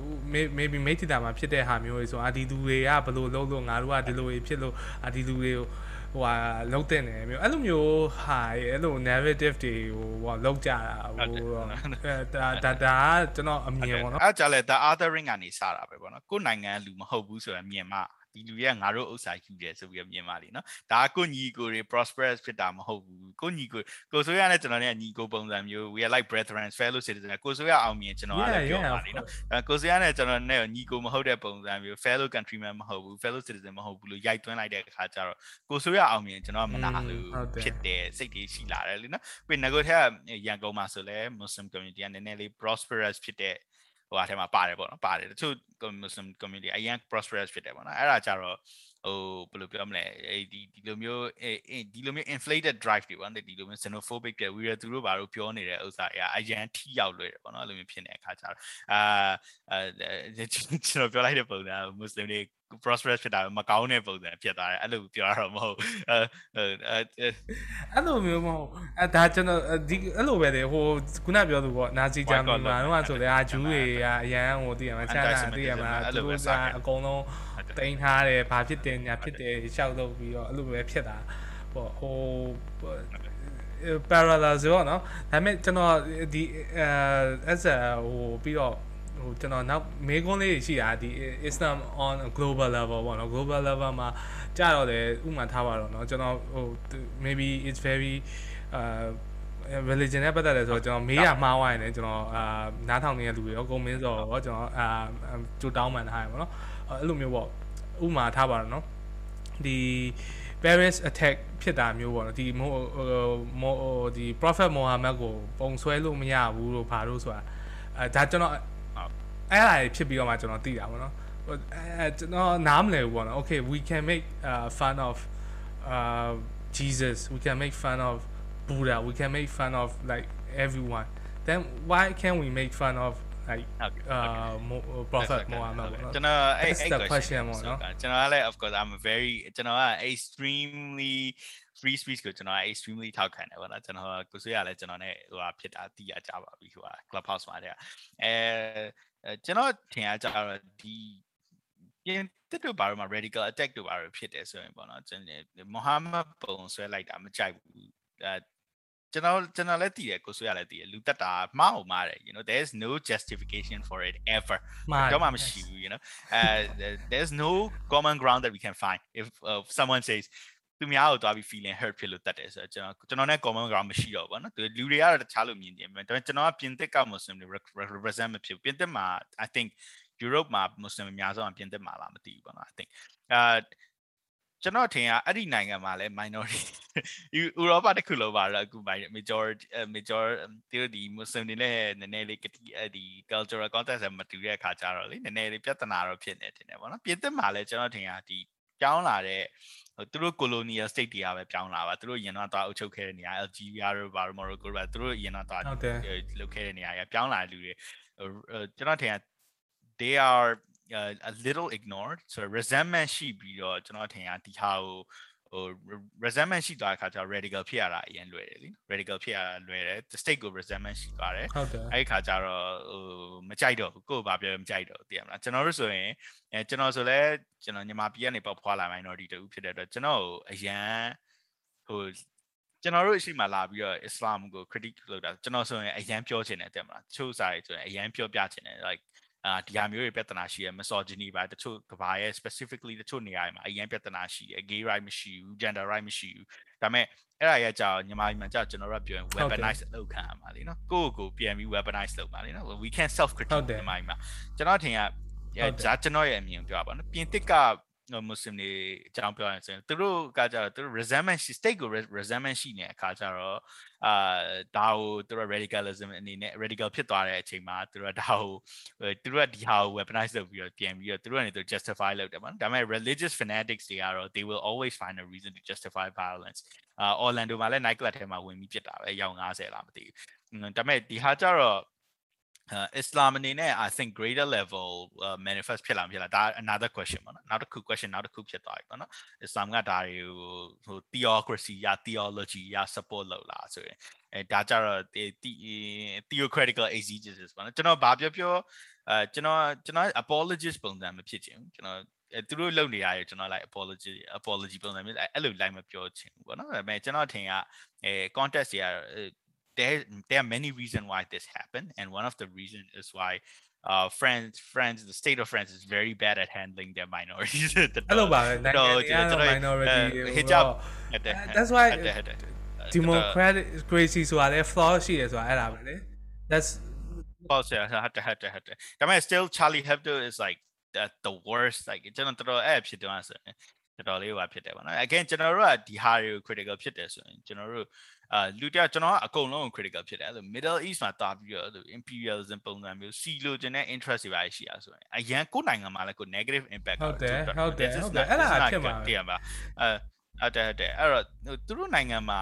ဟို social change ဖြစ်စေခြင်းနဲ့ social welfare ကောင်းစေခြင်းနဲ့ဆိုရင် you can't go Bombing. and keep uh, bombing their shit like မလုပ်နဲ့လေဟုတ်တယ်ဒါ resentment များလာရင် religion နဲ့အဲ့လိုဖြစ်သွား okay but အရင်တုံးရပြီးတော့ဟိုနောက်တစ်ခုပေါ့နော် critical ဖြစ်တဲ့ဟာဘယ်လိုပြောရမလဲအာဟိုဒီဒီအဲကျွန်တော်အမြင်ပေါ့နော်အာဒီဘာသာရေးဆိုပြီးတော့တချို့နေရာတွေမှာအာကျွန်တော်တို့က secular democratic democratic society ဆိုရင်တချို့ဟာတွေမှာဘာသာရေးဆိုပြီးတော့အကာအကွယ်ယူတာတွေကအာတိတ်ပြီးတော့မဟုတ်ဘူးလို့ထင်တယ်ပေါ့နော်ဒါကျွန်တော်ပြော I'm not just freely expressing myself so uh, Oh, oh, maybe oh, if i'm wrong just i'm willing to learn အရပါဆို so ဟိုဟာပေါ့ကျွန်တော်အဲ့နည်းနည်းလေးဘယ်လိုမျိုးလဲဆိုတော့ဥပမာထားပါတော့ဟုတ် um ဘယ်လိုပြောရမလဲအဲသူတို့လေစိတ်တွေမှာအာ praying room ရှိတဲ့ဟာပေါ့နော်ကျွန်တော်သိတတ်တော့ဆိုရင်ကျွန်တော်တို့ဗုဒ္ဓဘာသာအတွက်ဆိုလည်းဘယ်လေးစိတ်မှာမှဖះမဆောက်ပေးတာဘူးလေ အဲဖះစင်းလို့တော့လည်းမရှိဘူးပေါ့နော် I don't know about other like religion like အဲ့လိုမျိုးရှိလားတော့မသိဘူးဒါပေမဲ့ okay for Korean Catholic တွေအတွက်ရှိတာအဲရှိရင် okay that sounds fair uh, so that's something I don't know that's ဟိုဘယ်လိုပြောရလဲအဲ့လိုမျိုးတွေပေါ့နော်ပြီးတော့ဥမာထားပါတော့အာအဲဘယ်လိုပြောရမလဲအဲအာတခြားဘာရှိအောင်ဥမာအဲ I don't know maybe တချို့နေရာတွေမှာအာခုနပြောလို့ပေါ့ okay ဒါကငါတို့ဖေကမကြိုက်လို့ပုံမဆွဲရဘူးလို့အဲအဲ့လိုမျိုးဟာတွေပေါ့နော်အဲ့လိုမျိုးဟာလေးအဲဟာတွေကြတော့ဟိုဘယ်လို is it ပြီးတော့နောက်တစ်ခုကဒီ it's it's မျိုးသမီးဟိုပေါ့နော်ခုနပြောသူအာမျက်နှာ cover လုပ်ရမယ်တို့အဲအဲ့လိုမျိုးတွေပေါ့နော်အဲ့အမျိုးတွေကြတော့ဟိုကျွန်တော် secular values နဲ့ကြတော့အဲ မဟုတ်တိတ်ပြီးတော့အဆင်မပြေဘူးလို့ထင်တာပေါ့နော်ဟုတ်ကဲ့ကျွန်တော်အဲ့အကြောင်းမိကုန်းက၃ခုပါတစ်ခါကျတော့ prayer room ကိစ္စအဲ့ဒါကျွန်တော်ကကျတော့ဘယ်လိုမြင်လဲဆိုတော့ I mean ကျွန်တော်အတွက်လေစိတ်ကြီးတစ်ခုမှာမွတ်စလင်ပဲဖြစ်ဖြစ် Catholic ပဲဖြစ်ဖြစ်ဗုဒ္ဓဘာသာဗုဒ္ဓဘာသာဖျားရှိခိုးခံလည်းရှိမယ်ထင်တယ်တုံမောင်းလေစိတ်မှာလားမသိကျွန်တော်တစ်ခါတွေ့ဘူးဒါပေမဲ့ it could be a muslim praying ကျွန်တော်တစ်ခါမှတော့မရောက်ဘူး အဲကျွန်တော်တစ်ခေါက်ပဲရောက်ဘူးတယ် London Heathrow လေဆိပ်မှာကျွန်တော်တစ်ခေါက် Muslim praying room ကိုကျွန်တော်တစ်ခေါက်ရောက်ဘူးတယ်ဗောနော်ဘာဖြစ်လဲဆိုအရင်အိတ်လို့ကောင်းလို့ကျွန်တော်ဝင်ပြီးလိုက်တယ်အာအဲအိတ်လို့ကောင်းတယ်ပြီးရင်သူတို့ကနည်းနည်းဟို sanitary အရင်ဖြစ်တဲ့အိမ်မှာတုံးရတာပါညာလွယ်တယ်ဗောနော်အမ်ကျွန်တော်ကျွန်တော်အတွက် praying room ကပြဿနာဘာဘာကြောင့်မရှိဘူးလဲဆို secular society တခုဆိုတာ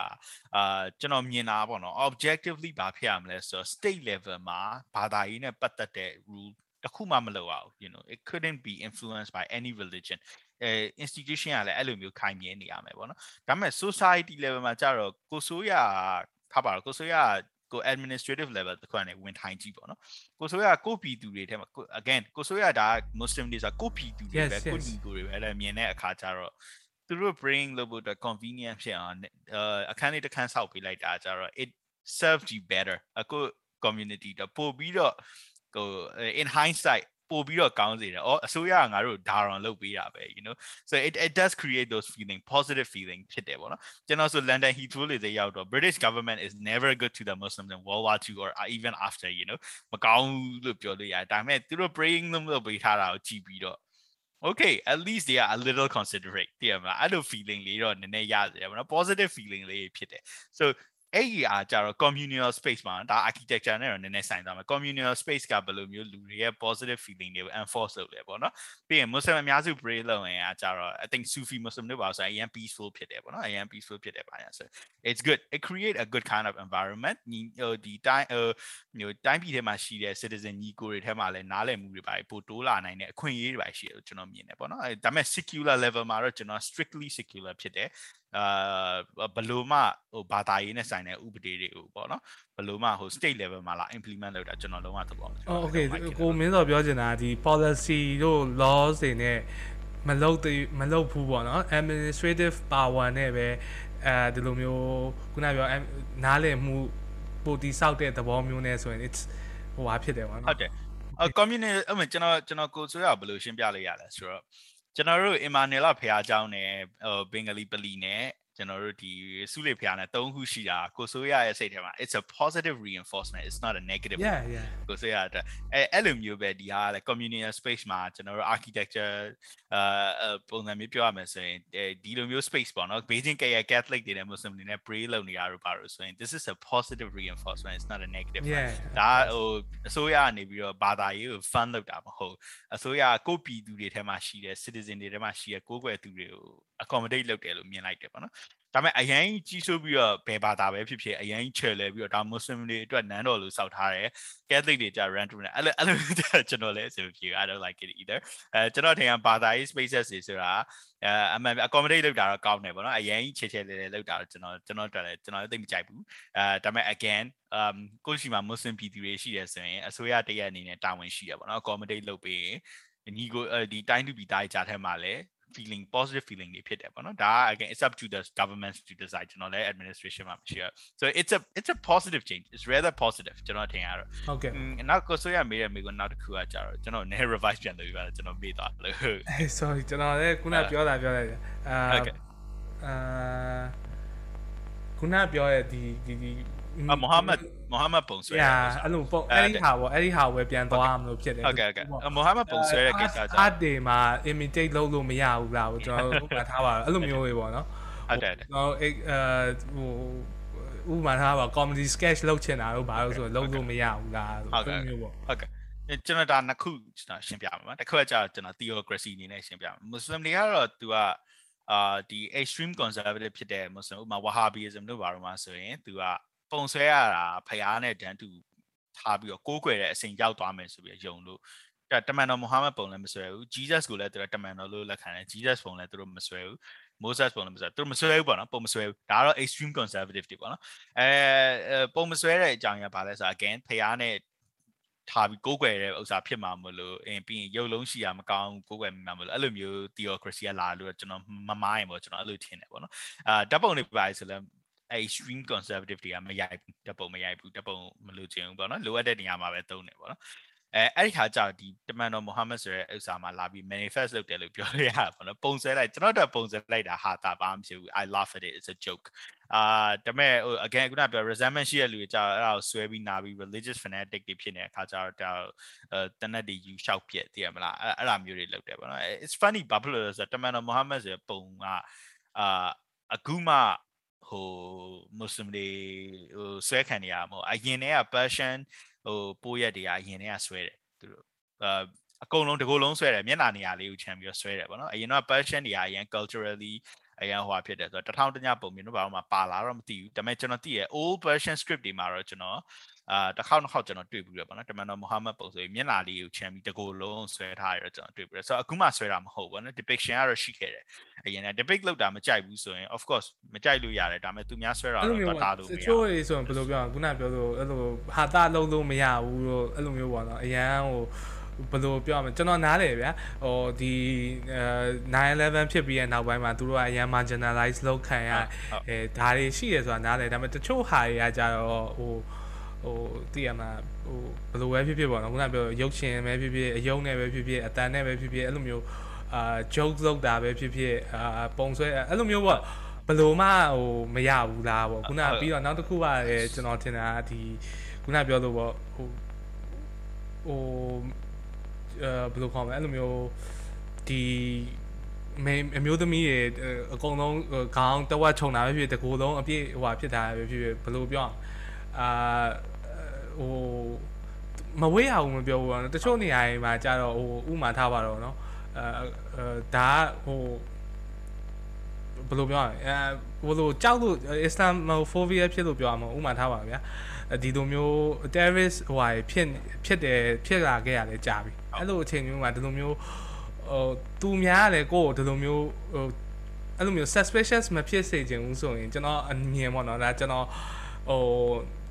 ကိုချင်းမစားလို့ပြောရတယ်မဟုတ်တခါတလေကျတော့အဲ့လိုမျိုးဟာတွေကလူကိုပို့ပြီးတော့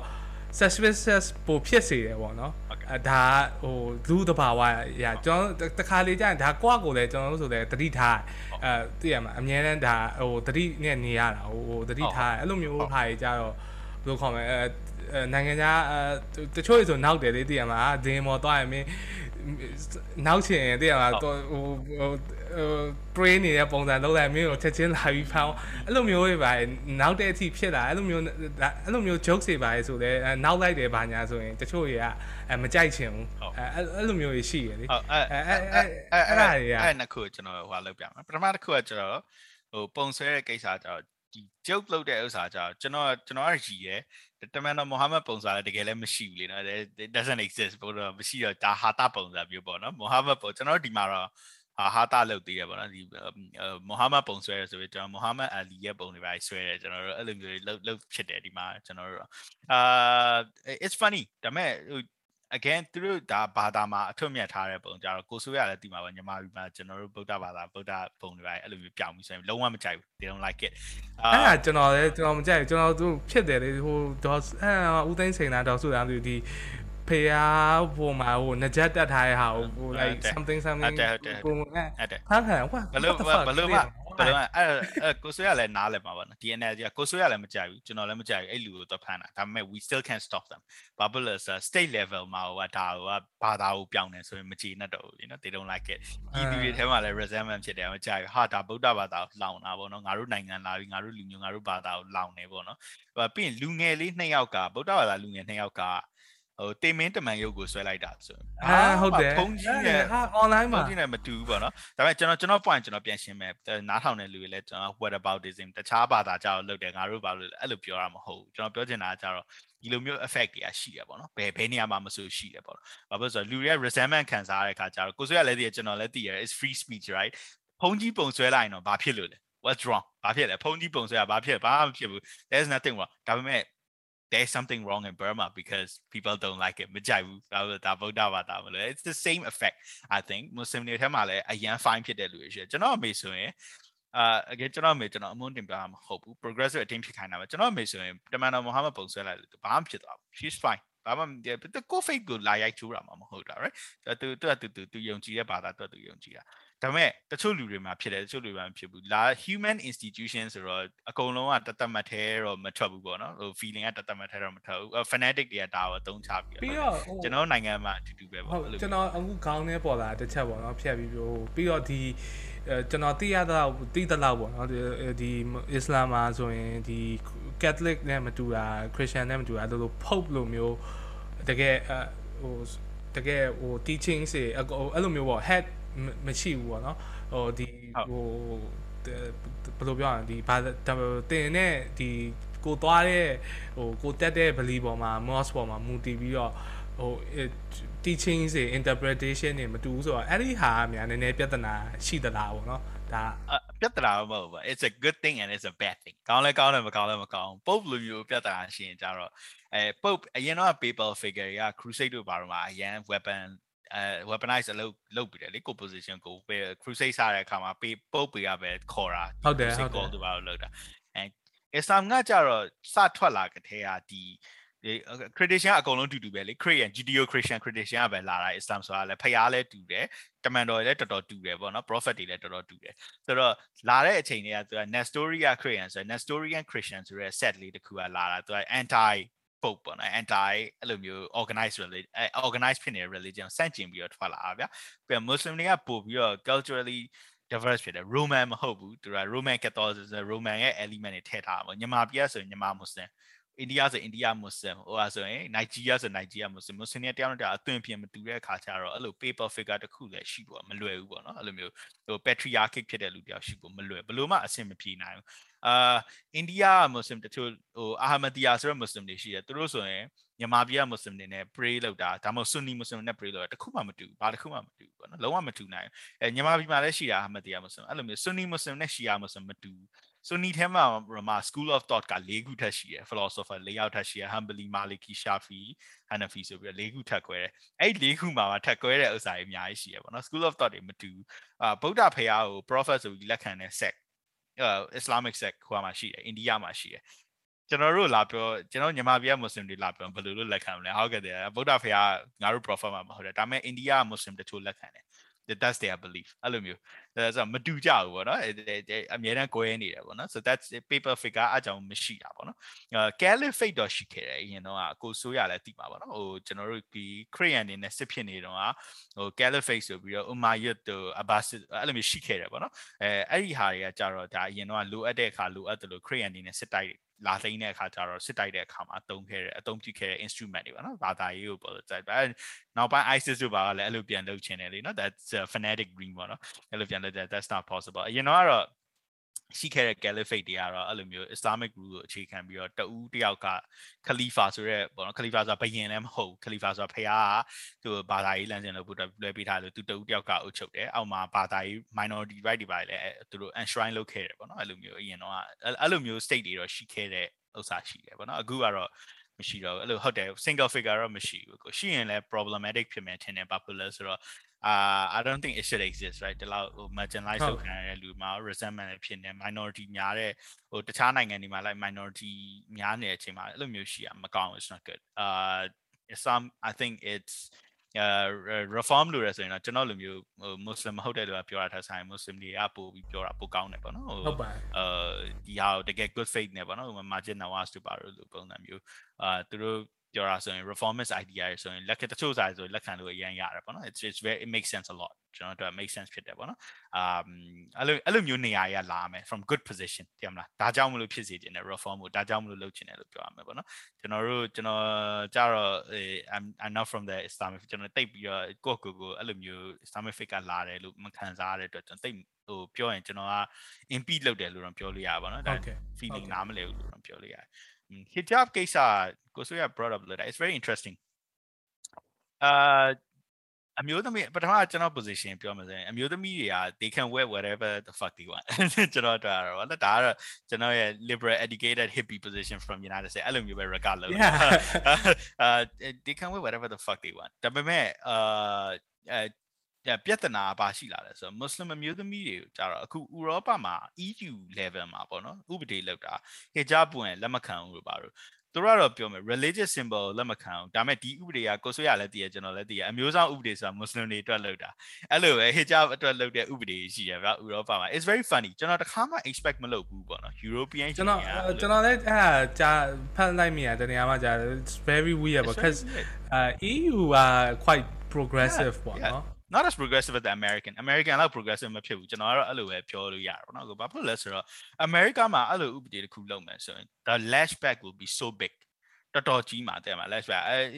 ဒီဘာ Muslim ban ဆိုတာတော့သူတို့က country base နဲ့ပဲ ban လုပ်တာတော့တော်တော်ပြဿနာကြီးရတယ်နော်တခါပထမ Trump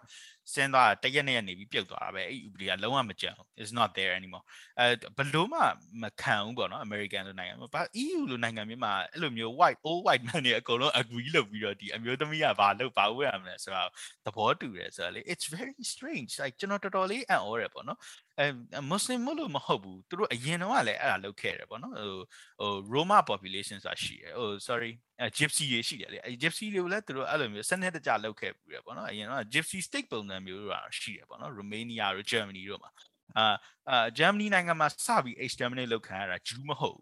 gypsy တွေကိုစလုပ်တယ် gypsy နဲ့ homosexual တွေကိုစလုပ်တာပေါ့နော်အဲ့တော်တော်လေးကိုအခုကအဲ့လိုမျိုးပြန်ဖြစ်မှာကျွန်တော်ကြောက်တယ်စိုးရိမ်နေပြီးတော့ဒါ this is breaking a fundamental human right ပေါ့နော်အဲနောက်က airport တို့ဘာလို့ security ကြတော့ပညက်ချက်ရှိတယ်ပေါ့နော်အရန် security လိုအပ်ချက်ချင်းတော့ချွတ်ပေးရမယ် you have to remove it ဒါ Islam မှာလည်းပညက်ချက်ရှိတယ်ဘာဖြစ်လဲဆိုတော့ state ကနေပြီးတော့ security ကြောင့်လုပ်တာ အဆက်ခွဲခြင်းလို့လောက်တာမဟုတ် security ကြောင့်လောက်တာဆိုရင် Islam မှာလည်းအဲ့လိုမျိုးပေါ့နော်ဟိုဒီအခြေခံပညာချက်တွေရှိချွတ်ပေးလို့ရတယ်ဘာမှမဖြစ်ဘူးအမျိုးသမီးတယောက်က handle လုပ်ရင်ပို့ပြီးတော့ comfortable ဖြစ်တယ်ဆိုရင်ပို့ပြီးချွတ်ပေးလို့ရတယ်ဒါကတော့ resistant ဖြစ်တယ်ဆိုတာတော့ဒါလူတဦးတယောက်ချင်းရဲ့ feeling ပေါ့နော်ဒါ again human institution တွေဖြစ်တဲ့အတွက်ဒါ feeling ကတော့အများကြီးရှိမှာပဲပေါ့နော်အာကျွန်တော်အမြင်မှာအဲ့လိုမျိုးပေါ့ဖြစ်ဘယ်လိုပြောရမလဲဒီအာဟို အာဆက်ပြောရမယ်ဆိုကျွန်တော်နောက်သိချင်တာနောက်တစ်ခုကဒီကျွန်တော်ခဏခဏကြားရပေါ့နော်ခုနပြောမှဂျင်နဝါဆိုဒီအစ္စလာမ်အကြောင်းကျွန်တော် YouTube မှာပြစာဒီ Sharia law ပေါ့နော်အာ what does it mean and how does it work ပေါ့နော်အာအဲ့လိုမျိုးအဲ့ဒါလေးလည်းနည်းနည်းရှင်းဟိုကိုမင်းတော့ brain ကို pick လုပ်တာပေါ့နော်ကိုမင်းကအများကြီးစာအများကြီးဖတ်ထားတယ်ကျွန်တော်လည်းအကုန်လုံးတော့မဖတ်တာဘူး Sharia ဆိုတော့ it's a law right ကျွန်တော်တို့ဒီ Harvard တို့ Oxford တို့မှာတော့ဒီဟာကို Islamic jurisprudence ဆိုပြီးသင်တယ်ပေါ့နော်အာ Sharia ဆိုတာ law ဆိုတော့ကိုဆိုရသိတဲ့အတိုင်းပဲ update လည်းလုပ်လို့ရပြောင်းလို့လည်းရတယ်အာအာကျွန်တော်ကိုဆိုရ recommend လုပ်မယ်ကိုဆိုရဖတ်ချင်တယ်ဆိုရင် Maimonides ဆိုတာရှိတယ် Jewish philosopher Islamic Spain ပိန်နိုင်ငံအစ္စလာမ်တွေအုပ်ချုပ်တုန်းကလာတဲ့ Jewish philosopher ပေါ့နော်အဲ Maimonides တို့ဘာလို့အစ္စလာမ်ကိုဘယ်လိုကိုဆိုရ Muslim တွေဖတ်ကမဖတ်နဲ့ဖတ်မယ်ဆိုရင် perspective ကို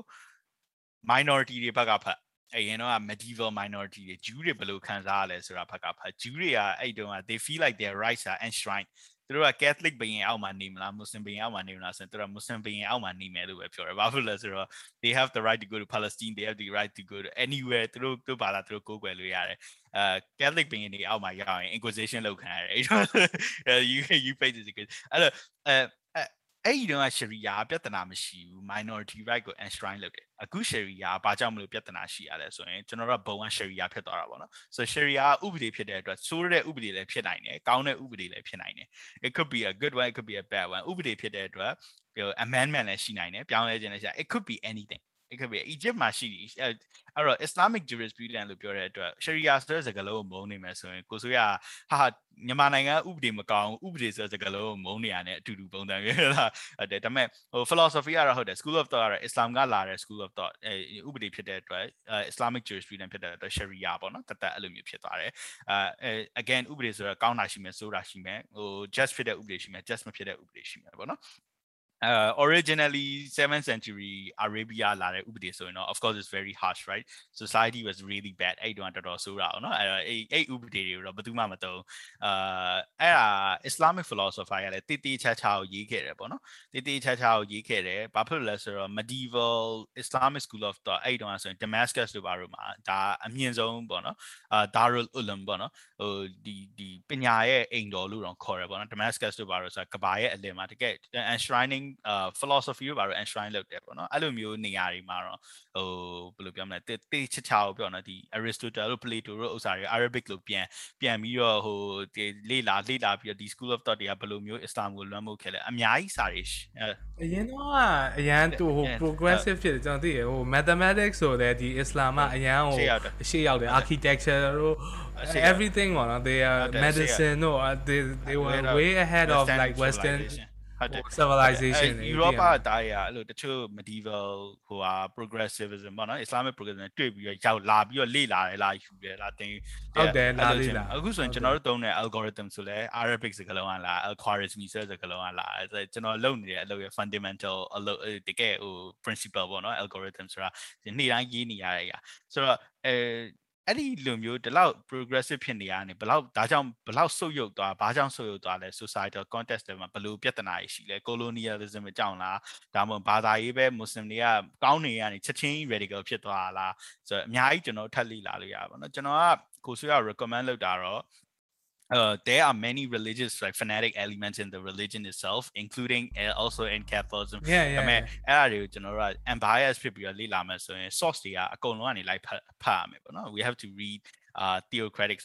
again ဒါ study တစ်ခုလုံးဖြစ်သွားပါဘောနော် Islamic study ဆိုတာဒါ degree တစ်ခုလုံးဖြစ်နေတာ so you have to read sources from Middle East where minorities wrote about it in the medieval time the scope ကတေးသေးလေးချင်းချင်းလေးဖတ်မှာအော်ငါဒါလေးနားလည်သွားပြီ okay ဒါဒီနေရာမှာ Egypt မှာဘာကြောင့်မလို့ဒီလိုမျိုး revolution ဖြစ်လဲ Tunisia မှာဘာကြောင့်မလို့ဒီလိုမျိုးဖြစ်လဲဆိုရင် okay အဲ့တုန်းက philosopher ဒါမှမဟုတ်အဲ့တုန်းကနိုင်ငံရေးသမားရေးခဲ့တဲ့ဥစ္စာဟိုရွေးပြီးဖတ်မှာကွအဲ့လိုမျိုးပေါ့နော် study ကိုရွေးဖတ်မှာကျွန်တော်နားလည်မယ်ပေါ့နော်အဲ့လိုတခု scope ကတေးသေးလေးမဟုတ် ဘူးပေါ့နော်အရန်ပြောရတာခတ်တယ်ပေါ့နော်အရန်ကျေပြက်တဲ့ religion ဖြစ်တာပေါ့နော်အဲဟိုလူမျိုးပေါင်းစုံပါဟိုလူမျိုးပေါင်းစုံကိုကိုယ် religion ဆိုတော့လေ context တွေအများကြီးရှိတယ်အဲဒါပေမဲ့ကျွန်တော်အကြံပေးတာတော့အဲ့ဟိုကိုဆိုရသူတို့ sharia ဆိုတဲ့ဥစ္စာဘယ်လိုမျိုးကောင်းတဲ့ force ဖြစ်နိုင်တယ်ပေါ့နော် it, it doesn't necessarily supposed to be a bad thing ကောင်းတဲ့ force ဖြစ်ခဲ့လဲဆိုတာ Islamic Spain လို့ပါတော့ကျွန်တော်အမြင်ပေါ့နော်ကောင်းတဲ့ပေါ့ဘယ်လိုပြောရမလဲအာ လွယ်တာဟိုဘာသာရေးနဲ့ဖះမကြိုက်ဘူးလို့ပြောတာလွယ်တယ်အဲ့ဒါအတွက်ကြောင့်ကျွန်တော်ထင်တယ်အဲ့လိုမျိုးပေါ့ man ပေါ့ mostly man ပေါ့နော် misogynist ဖြစ်တဲ့ man ဟုတ်တယ်ဟုတ်တယ်ဟုတ်တယ်အဲ့တည်ရမှာအဲ့လိုပေါ့ဟိုအမ်ဖះမကြိုက်မလုံးနဲ့အဲ့လိုမျိုးပေါ့ပါဝါရသွားတဲ့အချိန်မှာပြောတော့တည်ရတာ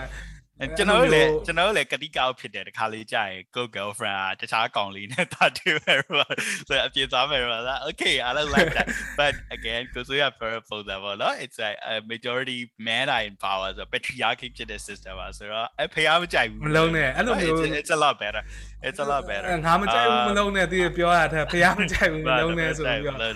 လိုက်တာဒါကကျွန်တော်လူဘိန်းတွေပေါ့နော်ဟုတ်တယ်ဟုတ်တယ်ဟုတ်ပဝါဝိတိုင်ပါရကြတော့လေဒါ Muslim tradition ဆို Islamic tradition ဆိုရပေါက်လာတာမဟုတ်ဒါအရင်တည်းက Orthodox Jew တွေရှာနေကျွန်တော်တို့ကကူးယူလိုက်တာပါနော် anthropology ကပြောရဆိုရင် Orthodox Jew ရဂျူးတွေဂျူးတွေဆီကနေကျွန်တော်တို့ရသွားတာခေါင်းဒီလိုလောက်တာ shackle လောက်တယ်လို့ခေါ်တယ်ပြီးတော့ခေါင်းမှာ အုတ်ထုတ်ဆောင်းတာတို့ပါယမကာဆောင်းတာတို့ပါတော့ဒါကျွန်တော်တို့ Jew tradition တွေပေါ့နော်အဲ့ဒါကို Muslim တွေနဲ့ Jew တွေနဲ့ကြာအကုန်နီးပါးတူတာအောင်နော်ဖရားတစ်ပါးတည်းပါညာကြာအကုန်တူတော့ဒါဖရားလည်းတစ်ခုတည်းကိုကိုကိုွယ်တာဆိုတော့ဒီဒီဒီ Nestoria Korean set ကလည်းအဲ့ဒါနဲ့အရင်နီးရဆိုတော့အစ္စလာမ်ပေါက်ဖွာလာတဲ့အချိန်မှာအဲ့ culture အများစုရလိုက်တာပါနော်ကိုဆိုရလန်ဒန်တို့ဘာလို့သွားတယ် အာဒါမှ New York to Brooklyn တို့အားတာရဆိုရင်အဲ့ရဂျူးတွေကိုတွေ့လိုက်ပဲဒါ Orthodox ဂျူးတွေရှိ Hasidic ဂျူးတွေရှိတယ်သူဝတ်ထားတာပါတကက်တလုံးလုံကြုံပြီးဝတ်တာပါနော်ကျွန်တော်အဲအဲ့ဒါလုံးဟုတ်တယ်ကျွန်တော်တွေ့ဘူးပါဟုတ်ကဲ့အဲ့လိုဓာတ်ပုံဟိုဘယ်ကောင်ပုံဓာတ်ပုံဆိုမျိုးသမီးပါလက်နဲ့တော့မထီမထီဘူးအဲ့လိုမျိုးဟိုလင်းတက်စီရဲဆိုရင်ဘေးနားမှာမျိုးသမီးထိုင်ခန္ဓာကိုယ်တစ်ခုလုံး plastic ဆွတ်လိုက်တယ်ဆွတ်ပြီးတော့ထိုင်တယ် ကြည့်မှာမလို့ပေါ့နော် I don't think the Muslims are uh, that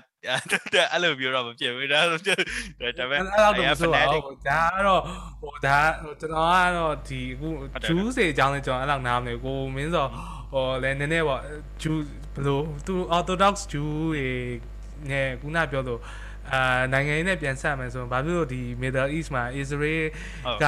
တကယ်တော့မကောင်းဘူးပေါ့နော်ကျွန်တော် I'm not on the side of Israel ပေါ့နော်ဒါ I mean the state Israel Israeli state ကို against ဖြစ်တယ်ပေါ့နော် not the people ပေါ့နော် um it's a very complex issue ကိုဆိုရကျွန်တော်အဲ့ဒါပြောမှဆိုရင်လေ of course all kind of uh evil imperialist uh intention are bad um Israeli uh Jew လူမျိုးတွေခံခဲ့ရတာ there is not even a cent of word of doubt, doubt about that သူတို့ လောက်ခံခဲ့ရလူမရှိ6တန်းကိုတခါတည်းတပ်လိုက်တာလေနော် uh it still doesn't mean that you could go and completely colonize a state where uh, and I mean Israel နိုင်ငံအရင်ကရှိခဲ့တယ်လေ2000အရင်ကရှိခဲ့တယ် that's true Assyrian တွေမလာခင်ကအကုန်ရှိခဲ့တယ် right ဒါပေမဲ့အဲ့ဒီ argument fallible ဖြစ်တယ်ဗောနော်ကျွန်တော်ထင်ပါ Israeli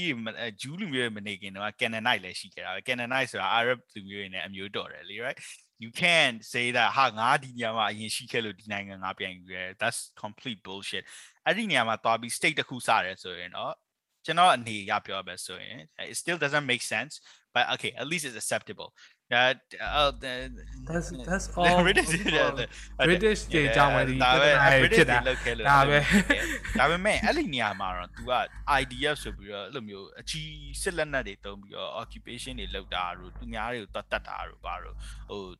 လုံးဝလက်မခံနိုင်ဘူးဗျာကျွန်တော်ကျွန်တော်ဒါကိုဖြည့်ရှင်းတဲ့နေရာဒီပြဿနာအကြီးကြီးဖြစ်သွားပြီအခုက irreversible damage ဖြစ်သွားပြီဘယ်လိုမှ reverse လုပ်လို့မရတော့ဘူးဂျူးလူမျိုးတွေကဟို Palestine ရဲ့အိမ်ဒီနားမှာသွားအိမ်ဆောက်တာ settlement ဖြစ်သွားပြီအဲ့ဒီနေရာ irreversible damage ဖြစ်သွားတဲ့နေရာမှာလဲ Palestinian leader တွေကအဲ့ဒါကို handle လုပ်တဲ့ဥစ္စာကျွန်တော်သဘောမကျရင်အများကြီးရှိတယ်။ဘာဖြစ်လို့လဲဆိုတော့ you could have handled it better တိုင်း again ဒါ different different scope ပေါ့နော်မတူတော့ scope တွေကဒါပေမဲ့ဒါကြောင့် victim blaming ပုံစံမျိုးတော့ဖြစ်တယ်လို့ပြောလို့ရပါတော့ကျွန်တော်အဲ again ပြဿနာကဘာလဲဆိုတော့ Islam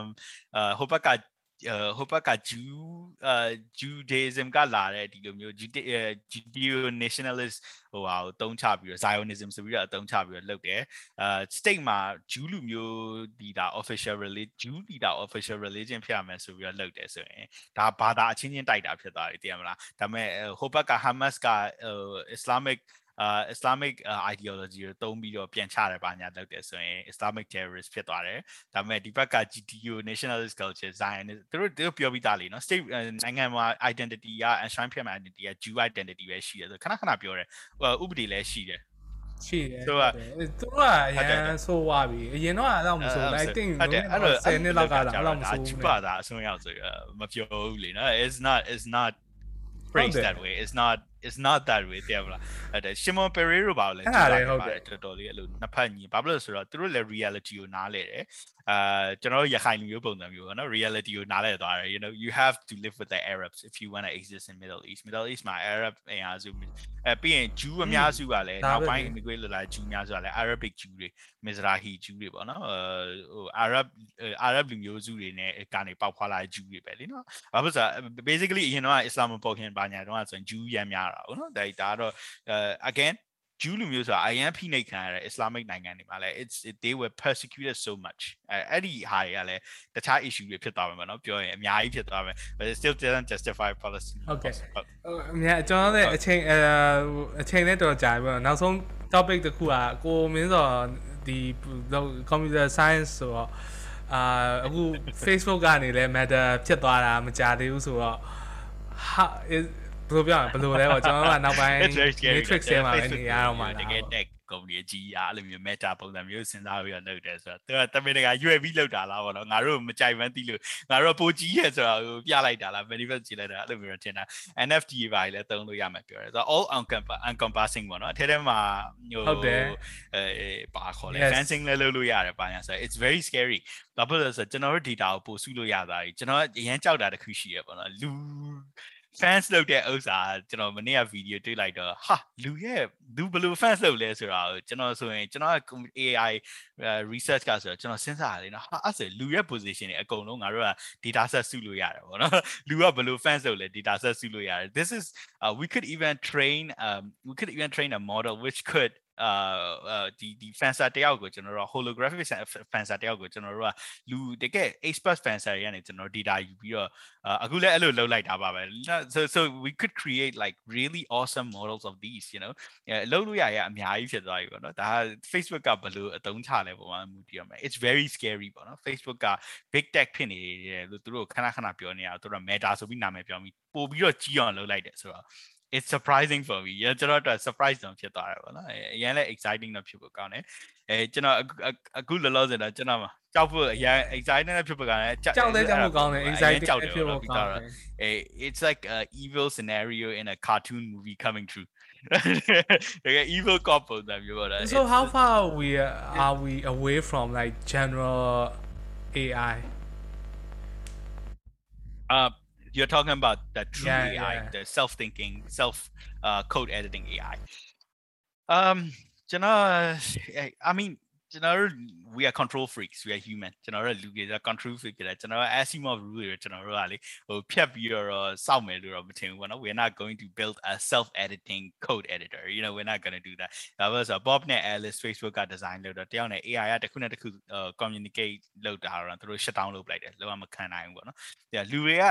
အဲ့လိုမျိုးဟိုမလုံနိုင်တာထက်ပေးမလုပ်ချင်တာပုံများမယ်ရှင် I don't think self uh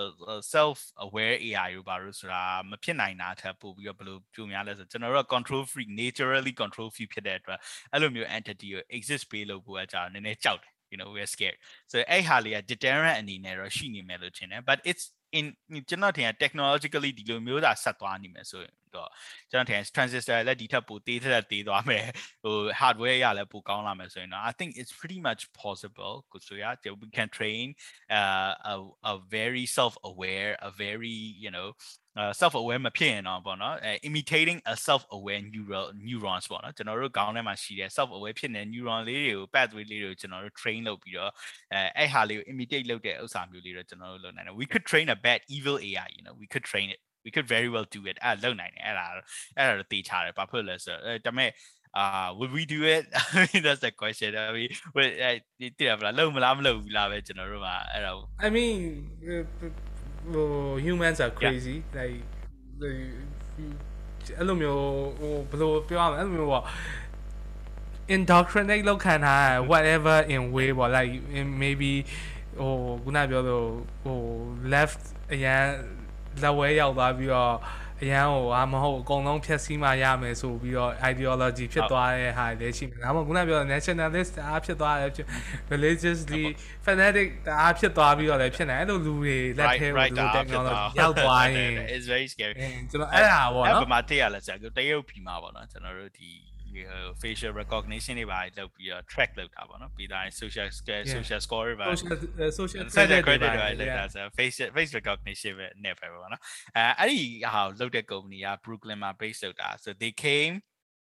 ကျွန်တော်တို့ပွဲတစ်ပွဲကိုအဲ့ကုမ္ပဏီကလာတယ်ပေါ့နော်လာပြီးတော့သူတို့ casually ပြောသားတာဟာသူတို့ AC ပဲပြောသားတာလူတွေရဲ့မျက်နှာကိုဖတ်ပြီးတော့အဲ့ဒီလူတွေရဲ့ credit score ကြည့်လို့ရတယ်ဒီလူတွေဘယ်နေရာမှာလမ်းကူးခဲ့လဲဆိုတာ jaywalking လုပ်ခဲ့လဲကျွန်တော်တို့ကြည့်လို့ရတယ်ဆိုတော့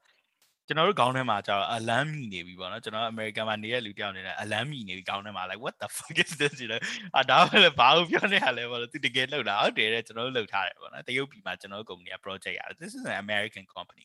you know 2015တော့ကျွန်တော်တို့တော်တော်မှတ်မှတ်ရရနော် this is an american company i mean people yeah. do things for yeah, money ပတ်စံရတယ်ဟုတ်တယ်အရင်ကြောက်ဖို့ကောင်းတယ်ဗျာဒါဒါပေမဲ့ again ဒီ science မှာကြောက်ပြောရရင် ethic ကအရန် lag ဖြစ်တယ်ကျွန်တော်တို့ဒီ Google မှာတော့ကျွန်တော်ဒီ ethic နဲ့ပတ်သက်ပြီးတော့ Dominic Gabriel ဆိုတဲ့မျိုးသမီး scientist ယောက်က paper ရေးလိုက်တာ AI model တွေက ethical ဖြစ်လာမဖြစ်ဘူးလားဆိုတော့အဲ့မျိုးသမီးကလှုပ်ဖြုတ်လိုက်တယ် Google က you know this is about AI ethics နော်အဲအဲ့မျိုးသမီးကလှုပ်ဖြုတ်လိုက်တယ် and then this is a company which you could say very progressive လို့တော့ပြောလို့ရတယ် right ဒါပေမဲ့